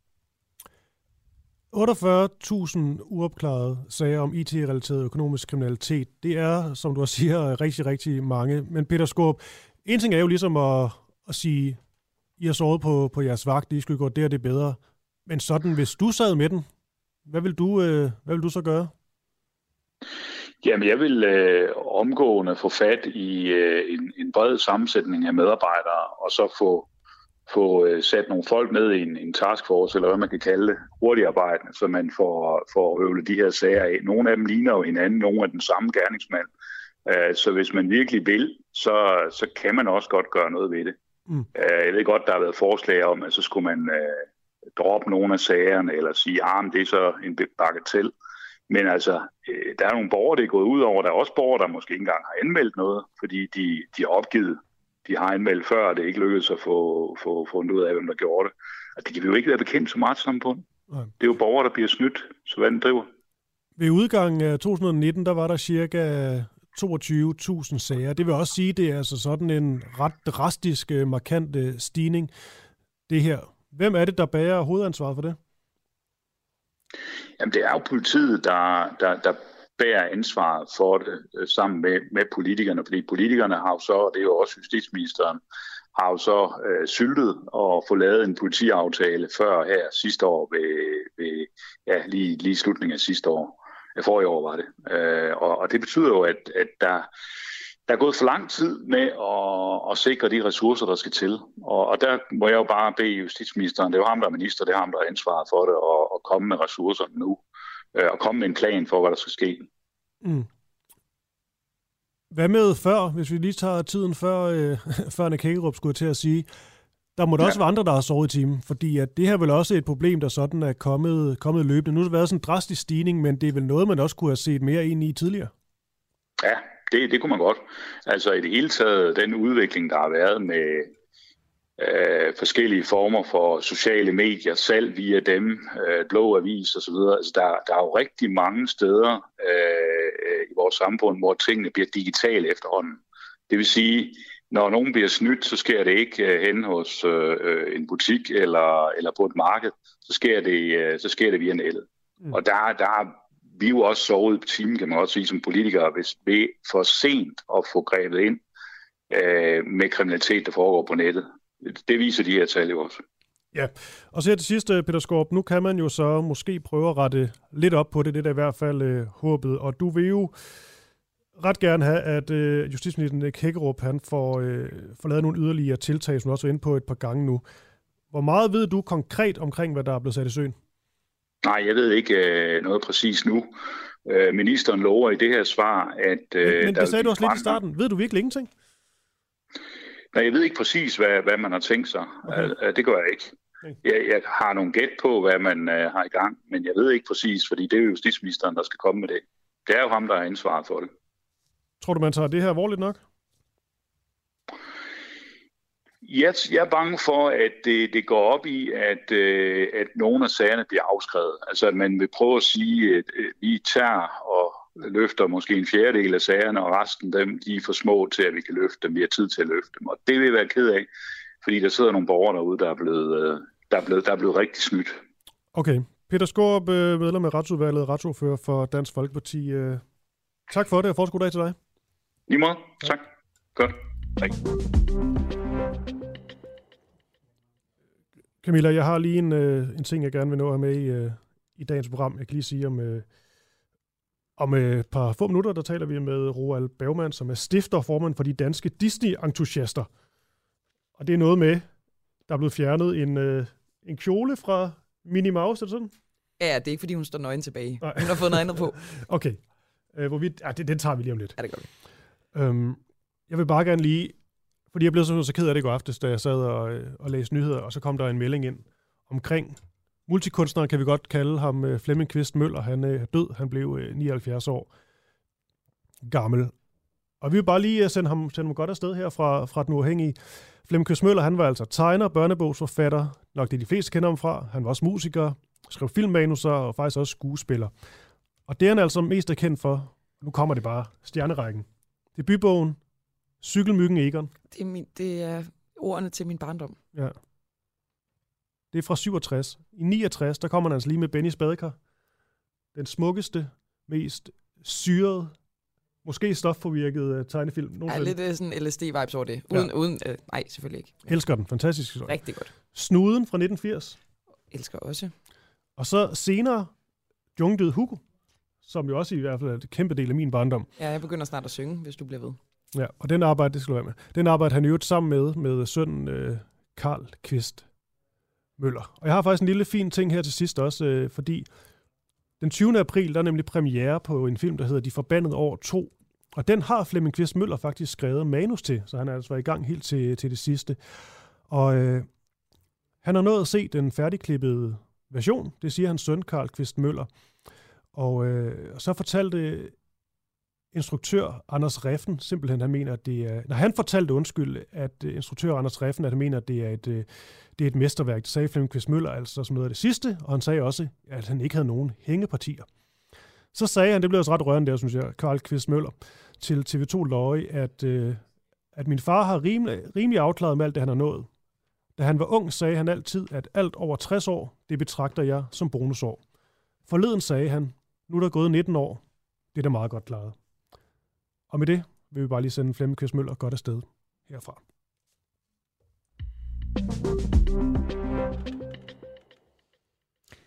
Er det i tidens ånd at fjerne kjoler og erstatte dem med noget andet fra tegnefilmsfigurer? Disney har, som du sagde lige før, Christoffer, nemlig valgt at tage kjolen af Minnie Mouse, og så iklæde hende en blå buksedragt med sorte prikker, i stedet for den ellers sådan ret ikoniske lyserøde eller røde kjole, som hun plejer at have på. Og det er et øh, halvhjertet forsøg på at være progressiv, lyder kritikken fra formanden for de danske Disney-entusiaster. Han hedder Roald Bermann og er også stifter for de danske Disney-entusiaster. Roald, hvilke negative konsekvenser har det for, øh, for unge piger, at Minnie Mouse går med kjole? Og godmorgen. Godmorgen.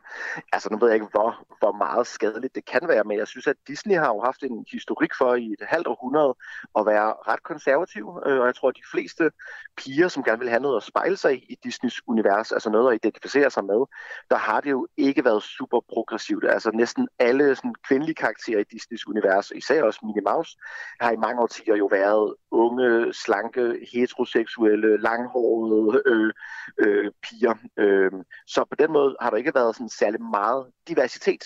Øhm, hvis man er en anden type pige og vokser op med Disney, så kan det være svært at, at finde noget, du ligesom kan forholde dig til. Og I kalder det så for, for halvhjertet, det her med, at Minnie Mouse har fået skiftet tøj. Hvorfor, hvorfor halvhjertet? Ja, men i virkeligheden vil jeg også godt opgradere og sige, det er kvarthjertet. Øh, det er mere fordi, at jeg synes egentlig, ideen om at prøve at give mine Mouse noget andet tøj, og især en buksedragt, øh, er ret fedt. Men, øh, men det, de har gjort her, er, at det er en lille bitte, bitte, øh, en lille bitte del af Disneys imperium, de gør det her. For det første er det midlertidigt. Øh, det her det er bare en kort kampagne for designeren Stella McCartney, der har gjort det, så det, om, om en måneds tid, så er, er Minnie tilbage igen i sit almindelige gamle tøj. Og så er det til med også kun i en, øh, en Disney-park, øh, og faktisk kun en af dem, nemlig Disneyland Paris, at de gør det her. Det vil sige... Men er det så overhovedet, er det overhovedet et forsøg på at være progressiv, eller er det bare en kampagne for Stella McCartney? Ja, jeg tror, det er primært en kampagne for Stella McCartney, hvor de samtidig faktisk lige kunne få listet ind, at de virkede en lille smule progressiv. Men har, har de listet det ind? Har de selv sagt det? Øh, nej, jeg tror ikke selv, de har sagt, at det skal være progressivt, men jeg tror da, hvis man sådan Men hvordan kan det egentlig så være halvhjertet, tænker jeg faktisk? Fordi så er det måske bare Stella McCartney, der har haft øh, fri leg, og så er det det, det er endt med, og så er det måske ikke en del af, af, sådan, af Disney, der forsøger at gøre noget som helst i virkeligheden. Ja, altså det, det kan vi jo også kun gisne men Disney har jo ikke for vane at give frie hænder til nogen. Altså de er meget, meget, øh, kan man sige, kontrollerende omkring alting, og især affølget, som jo er Mickey og Minnie Mouse, der er ikke nogen, der får lov til bare at gøre, hvad de har lyst til.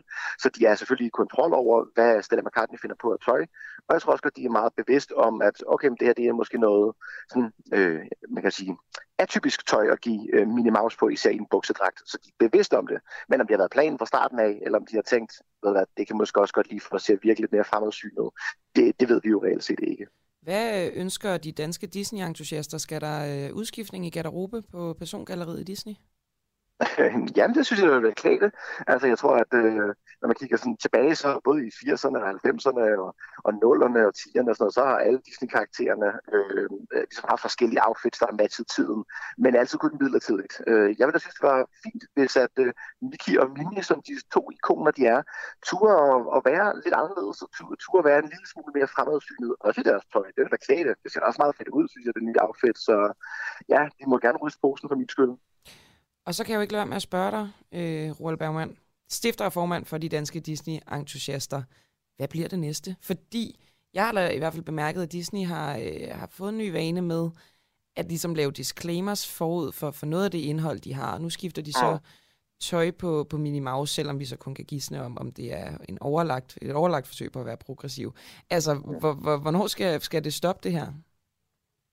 Øh, jamen, det er jeg ikke sikker på. Altså, hvad mener du med det spørgsmål? Skal Jamen, jeg mener bare, altså, skal, skal, skal det hele laves om? Skal der ligge en disclaimer forud for, for alt indholdet, eller, eller skal, skal alle have skiftet tøj? Altså, hvad, hvad mener I? Eller skal tingene bare være, som de plejer at være? Øhm, nej, altså jeg synes, det er en blanding. Altså jeg, jeg synes jo altid, at Disney har været en lille smule bagud. Øh, lidt, lidt for gammeldags og konservativ til, til min personlige smag. Så jeg, jeg synes, det er fedt, at de prøver at se lidt fremad og, øh, og tænke anderledes. Men jeg har det jo også selv sådan, som, som kæmpe Disney-fan, at når man går ind og ændrer noget, man er vant til, så skal jeg altid selv lige vende mig til det. Altså når de laver en ny remake eller en ny live-action version af en gammel tegnefilm, så har jeg lidt sådan, puh her, nu gør det lidt ondt i nostalgien, mm. fordi man er vant til det, man, man ligesom har, har set før. Men som udgangspunkt, øh, ja, de trænger da virkelig til at, at nytænke øh, tingene lidt, og de, de trænger da i, i virkeligheden især til at få deres karakterer til at fremstå en lille smule mere sådan assur med tiden. Så for min skyld behøver de slet ikke at stoppe endnu. Altså, de har ikke kommet i nærheden af grænsen af, hvad de burde ændre. Øh, så, så de skal bare fyre den af. De skal bare fyre den af. Men øh, altså, jeg forstår bare ikke. Nu tager vi det lige forfra her. Det er fordi, Roald Bergen, jeg skal lige forstå. Minnie Mouse, der har kjole på. Er det et problem? Mm-hmm. Nej, det er ikke som sådan et problem i sig selv, øh, fordi kjoler er ikke noget problem. Men jeg tror, at øh, når man er sådan en underholdnings- og kulturgigant som Disney er, der har en så enorm indflydelse, som de har på så mange generationer i, i så mange år, på så mange platforme i hele verden, så er det klart, at så lige pludselig så ligger der jo en eller anden form for, for magt i det, du gør selv de små ting, når du er så gigantisk. Og der kan man jo sige, at øh, når det ligesom er et mønster, kan man sige, gennem alle Disneys karakterer, at det er kjolebærende, øh, åleslanke, heteroseksuelle, øh, monogame, med piger øh, hele vejen igennem, jamen så laver du på en eller anden måde et samlet persongalleri til sidst, hvor der er meget lidt bevægelsesfrihed for sådan, piger, som måske er anderledes. Så nej, det er selvfølgelig ikke et problem, at hun er men det er jo, på. Nej, nej, men det er jo, men, vi taler om mus og ender og sådan noget. Animerede ja, mus og ender. Ja, men jeg er helt med. Det kan måske også virke lidt latterligt, men altså, jeg, jeg, tror, jeg tror på... Jamen, er det ikke forskel på det, og så på en eller anden sådan åleslanke Barbie-figur, der virkelig skal ligne en fra virkeligheden, hvor man så bare taget alt det fedtet fra, det gør det totalt photoshoppet. Altså, det er det jo animeret figur, vi taler om, trods alt. Ja, ja, nu kan man også sige, at Minnie Mouse er måske også lidt svært at tolke, sådan, du ved, hvor, hvor er BMI-tallet henne på en, en, en tegnet mus som hende. Men, uh, men som sagt, så er det jo et mønster, når man kigger på kjole for eksempel, så har der ikke været mange Disney-figurer i det hele taget, som har gået i noget så simpelt som bukser, som det burde være fuldstændig normalt. Der har Disney jo truffet et valg igennem mange årtier, at piger går altid i kjoler eller nederdel. Så på den måde, så skaber det jo over tid øh, en, en, kan man sige, øh, en diskurs omkring, at øh, jamen, piger skal gå i kjoler og nederdel. Så, så det er ikke sådan et, et kæmpe problem i sig selv, men det er jo en del af en, en større underliggende. Til, til, til sidst, uh, Roald Bergman, jeg tænkte på det her med, Øhm, hvorfor ikke bare ligesom, når man kigger fremad, så ligesom følge med tiden og være så progressiv, som det nu så øh, hører og bør i 2022? Hvorfor ligesom backtracke og lave om i, i historien og i fortiden? Øhm, fordi det er jo ikke som sådan er noget problem. Altså når man siger, jamen, er det egentlig et problem, at, at Minnie Mouse hun har en nederdel af kjole på, så kan man sige, nej, det er det måske som sådan ikke. Og derfor er det som sådan måske heller ikke et stort problem, at man laver hendes kjole om til et par bukser. Så jeg tror også, der kan være noget statement i det. Øh, og især fordi Disney har de her, altså fire-fem kæmpe store ikoniske karakterer, der har været efter starten af Anders Sand og Fedtmul og Mickey Mouse og Minnie. Og det at lave om på dem, er jo også et signal til, at de vil måske gerne noget andet, eller de tør måske lidt mere, selvom det så er kvart hjertet. Men jeg håber da i den grad, at fremadrettet, som jeg også synes, jeg er begyndt at se faktisk med nyere Disney-film som uh, Moana og Frost og flere andre, der får nogle handlekraft kvinder, og de er lidt sejre og skal ikke redde sig en mand hver gang. Og sådan ja, noget. men, så, men er, er det egentlig ikke sådan rimelig progressivt, at vi har øh, Mickey Mouse som grund i seler uden sådan noget overtøj på, og så har vi altså Anders Sand, der grund øh, uden bukser på. Det synes jeg umiddelbart videre virker voldsomt pro, øh, progressivt. Ja, men jeg ved ikke rigtig mere sådan, om jeg har oplevet nogensinde det her med, at sådan, øh, unge mænd eller sådan på den måde sidder og, og føler, at øh, de så spejler sig på en eller anden måde i Disneys univers generelt overordnet set, fordi at Anders Sand går i smækbukser. Øhm, så på en eller anden måde sådan, synes jeg ikke, at jeg sådan har, har oplevet nogen steder, at Nå, det... du, men du siger, vel, du siger vel, det er jo ikke fordi, det skal være det hardcore kritiske interview, det her, Roald, men du siger jo, at, at piger de spejler sig i, i Minnie Mouse, vel, hvis uh, det er vigtigt det her med, at de også prøver at tage kjolen af en gang imellem og tage noget andet tøj på. Ja, det, det, det er i hvert fald klart min oplevelse. Øh, altså, at generelt så, så spejler piger sig i deres karakterunivers, øh, og, og det gør drenge i øvrigt også i Disneys mandlige karakterunivers. Jeg tror bare, det som jeg har hørt i hvert fald fra folk, det er lidt, at det, det der kan være problematisk for mænd, det er måske noget andet. Det er måske mere det der heltesyndromet, og så skal de måske være lidt buff, og de skal være, have, altså sådan, det, det, kan være mere sådan deres væremåde af personlighed, mm. når man ser på persongalleriet, hvor det for piger, der har det jo meget sådan, defineret sådan, tøj og mode og sådan noget. Så jeg, jeg, altså, jeg er ikke ekspert lige på det område specifikt, men det virker til, at problematikkerne for drenge og piger har måske ligget lidt forskellige steder. Mm. Jeg har i hvert fald aldrig hørt, at, øh, at generelt at Disneys univers har været for buksefixeret. Nej. Er det ikke, hvad det vi lukker på? Det synes jeg står stærkt. Det synes jeg også står meget stærkt. Roald Bergman, det var, det var en stor fornøjelse. Du er stifter og formand for de danske Disney-entusiaster, og øh, jeg kunne ikke bare have en fortsat god dag? Jamen tak, og lige måde. Tak. Okay, spørgsmål om, hvorvidt Anders Sand er progressiv, fordi at han ikke har bukser på, det er, det er et dumt spørgsmål, jeg nogensinde har stillet. Men på en eller anden måde kunne det også lande. Det, det, ødelæg, ja, det kan i hvert fald ødelægge mig, som, som simpelthen begynder lidt at grine. Det er det der med at sige, at Anders Sand har ingen bukser på. Det har han jo ikke. Nej, det har han bestemt ikke. Ingen engang smækbukser. Nå, prøv at øh, Noget, der, der ikke er til at grine af, det er alt, hvad der foregår i Mali lige nu. Øh, senest har Danmark jo trukket sine tropper hjem. Vi var ellers en del af en fransk mission i landet, men øh, ifølge Malis militærregering har vi altså ikke overholdt øh, protokollerne, og derfor så, øh, så bad de os altså om at tage hjem igen. Det seneste, der er sket i Mali, det er simpelthen, at øh, den franske ambassadør i Mali har fået 72 timer til at forlade landet. Og det kommer i kølvandet på, at øh, den franske udenrigsminister har haft nogle, øh, altså i hvert fald det, som militærstyret de beskriver som oprørende udtalelser.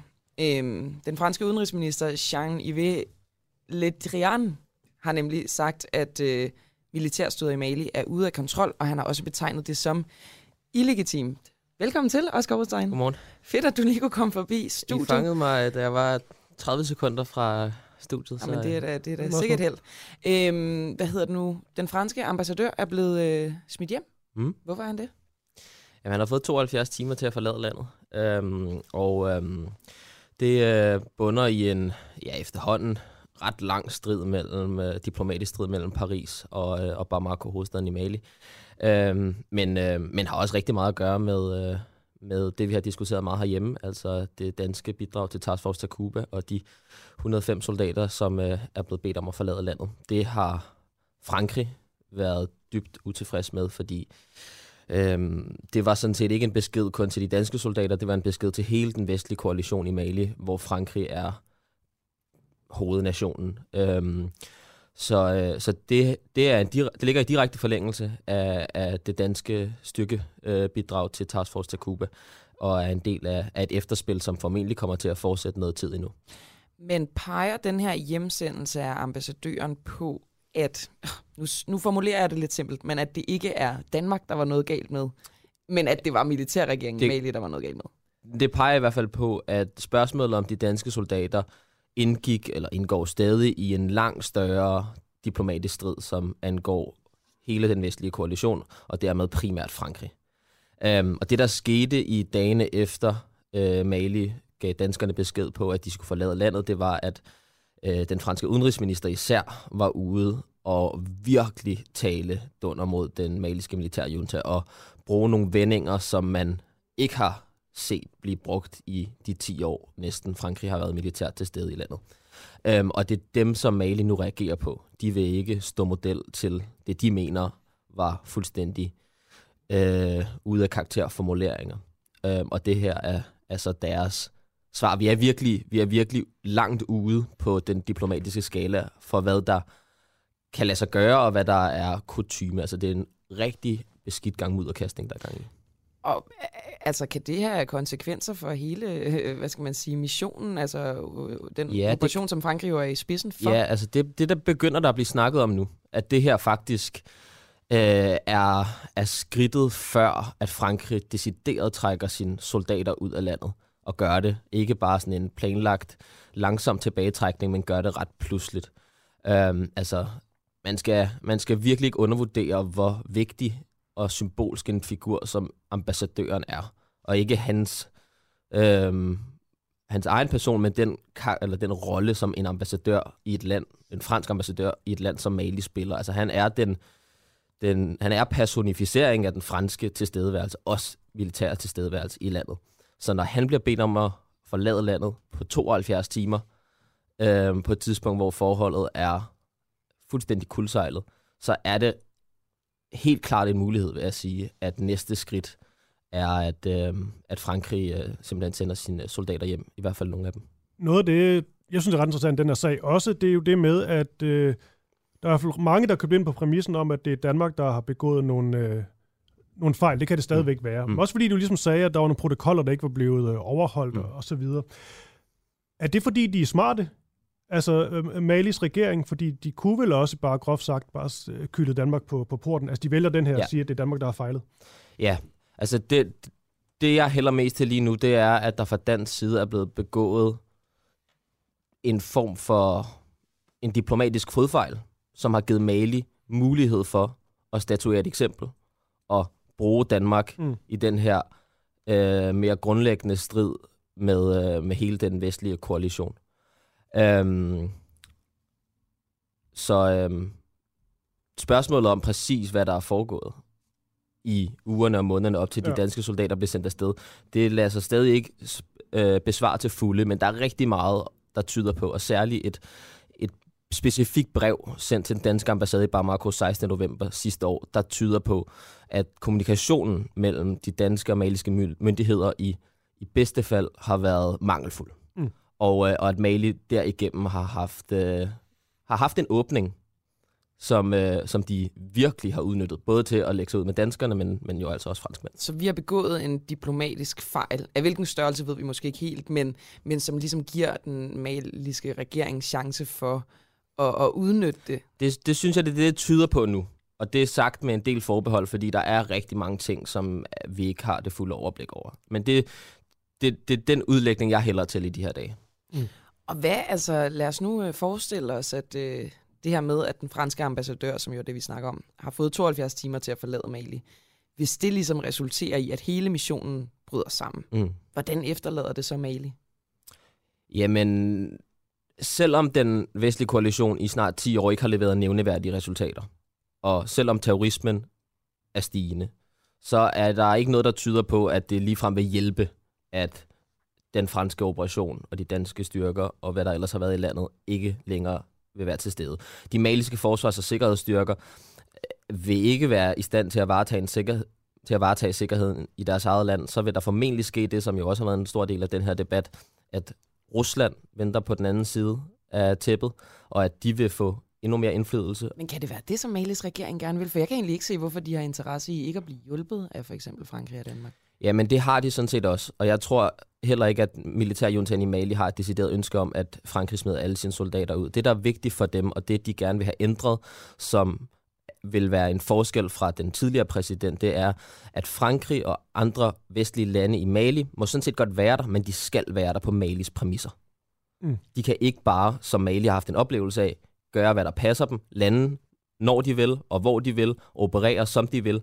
Det er Mali, der sidder for bordenden. Så må de meget gerne være der. Det fordi de har, det ved de også godt i Mali, de har brug for hjælp. Og den hjælp kommer russerne heller ikke med i tilstrækkelig omfang, det ved de godt. Så det handler ikke for dem, tror jeg, om bare at få kylet franskmændene ud på røv og albuer, selvom det godt nok virker sådan i de her dage. Men, tværtim, men, men, men snarere, at, at man får givet franskmændene besked om, at det er altså ja, Mali, ja, der bestemmer i Mali. Vores udenrigsminister Jeppe Kofod, han kalder det for en form for, øh, for afpresning.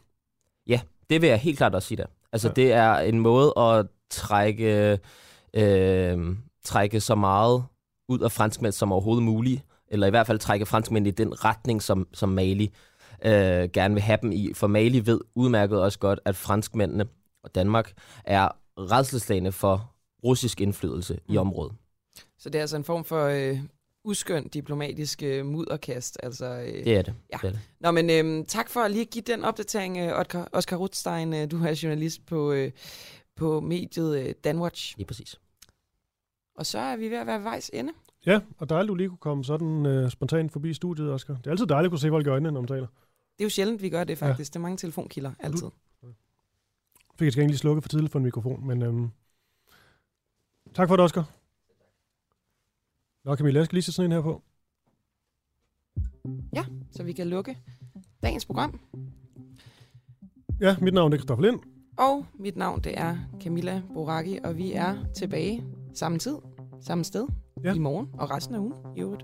hvor vi måske skal have lidt mere omkring det her med, at Dan Jørgensen jo simpelthen ikke har indgået flere klimaaftaler. Det var meget dagens tema i dag. I øh, regien sad Barry Vessel.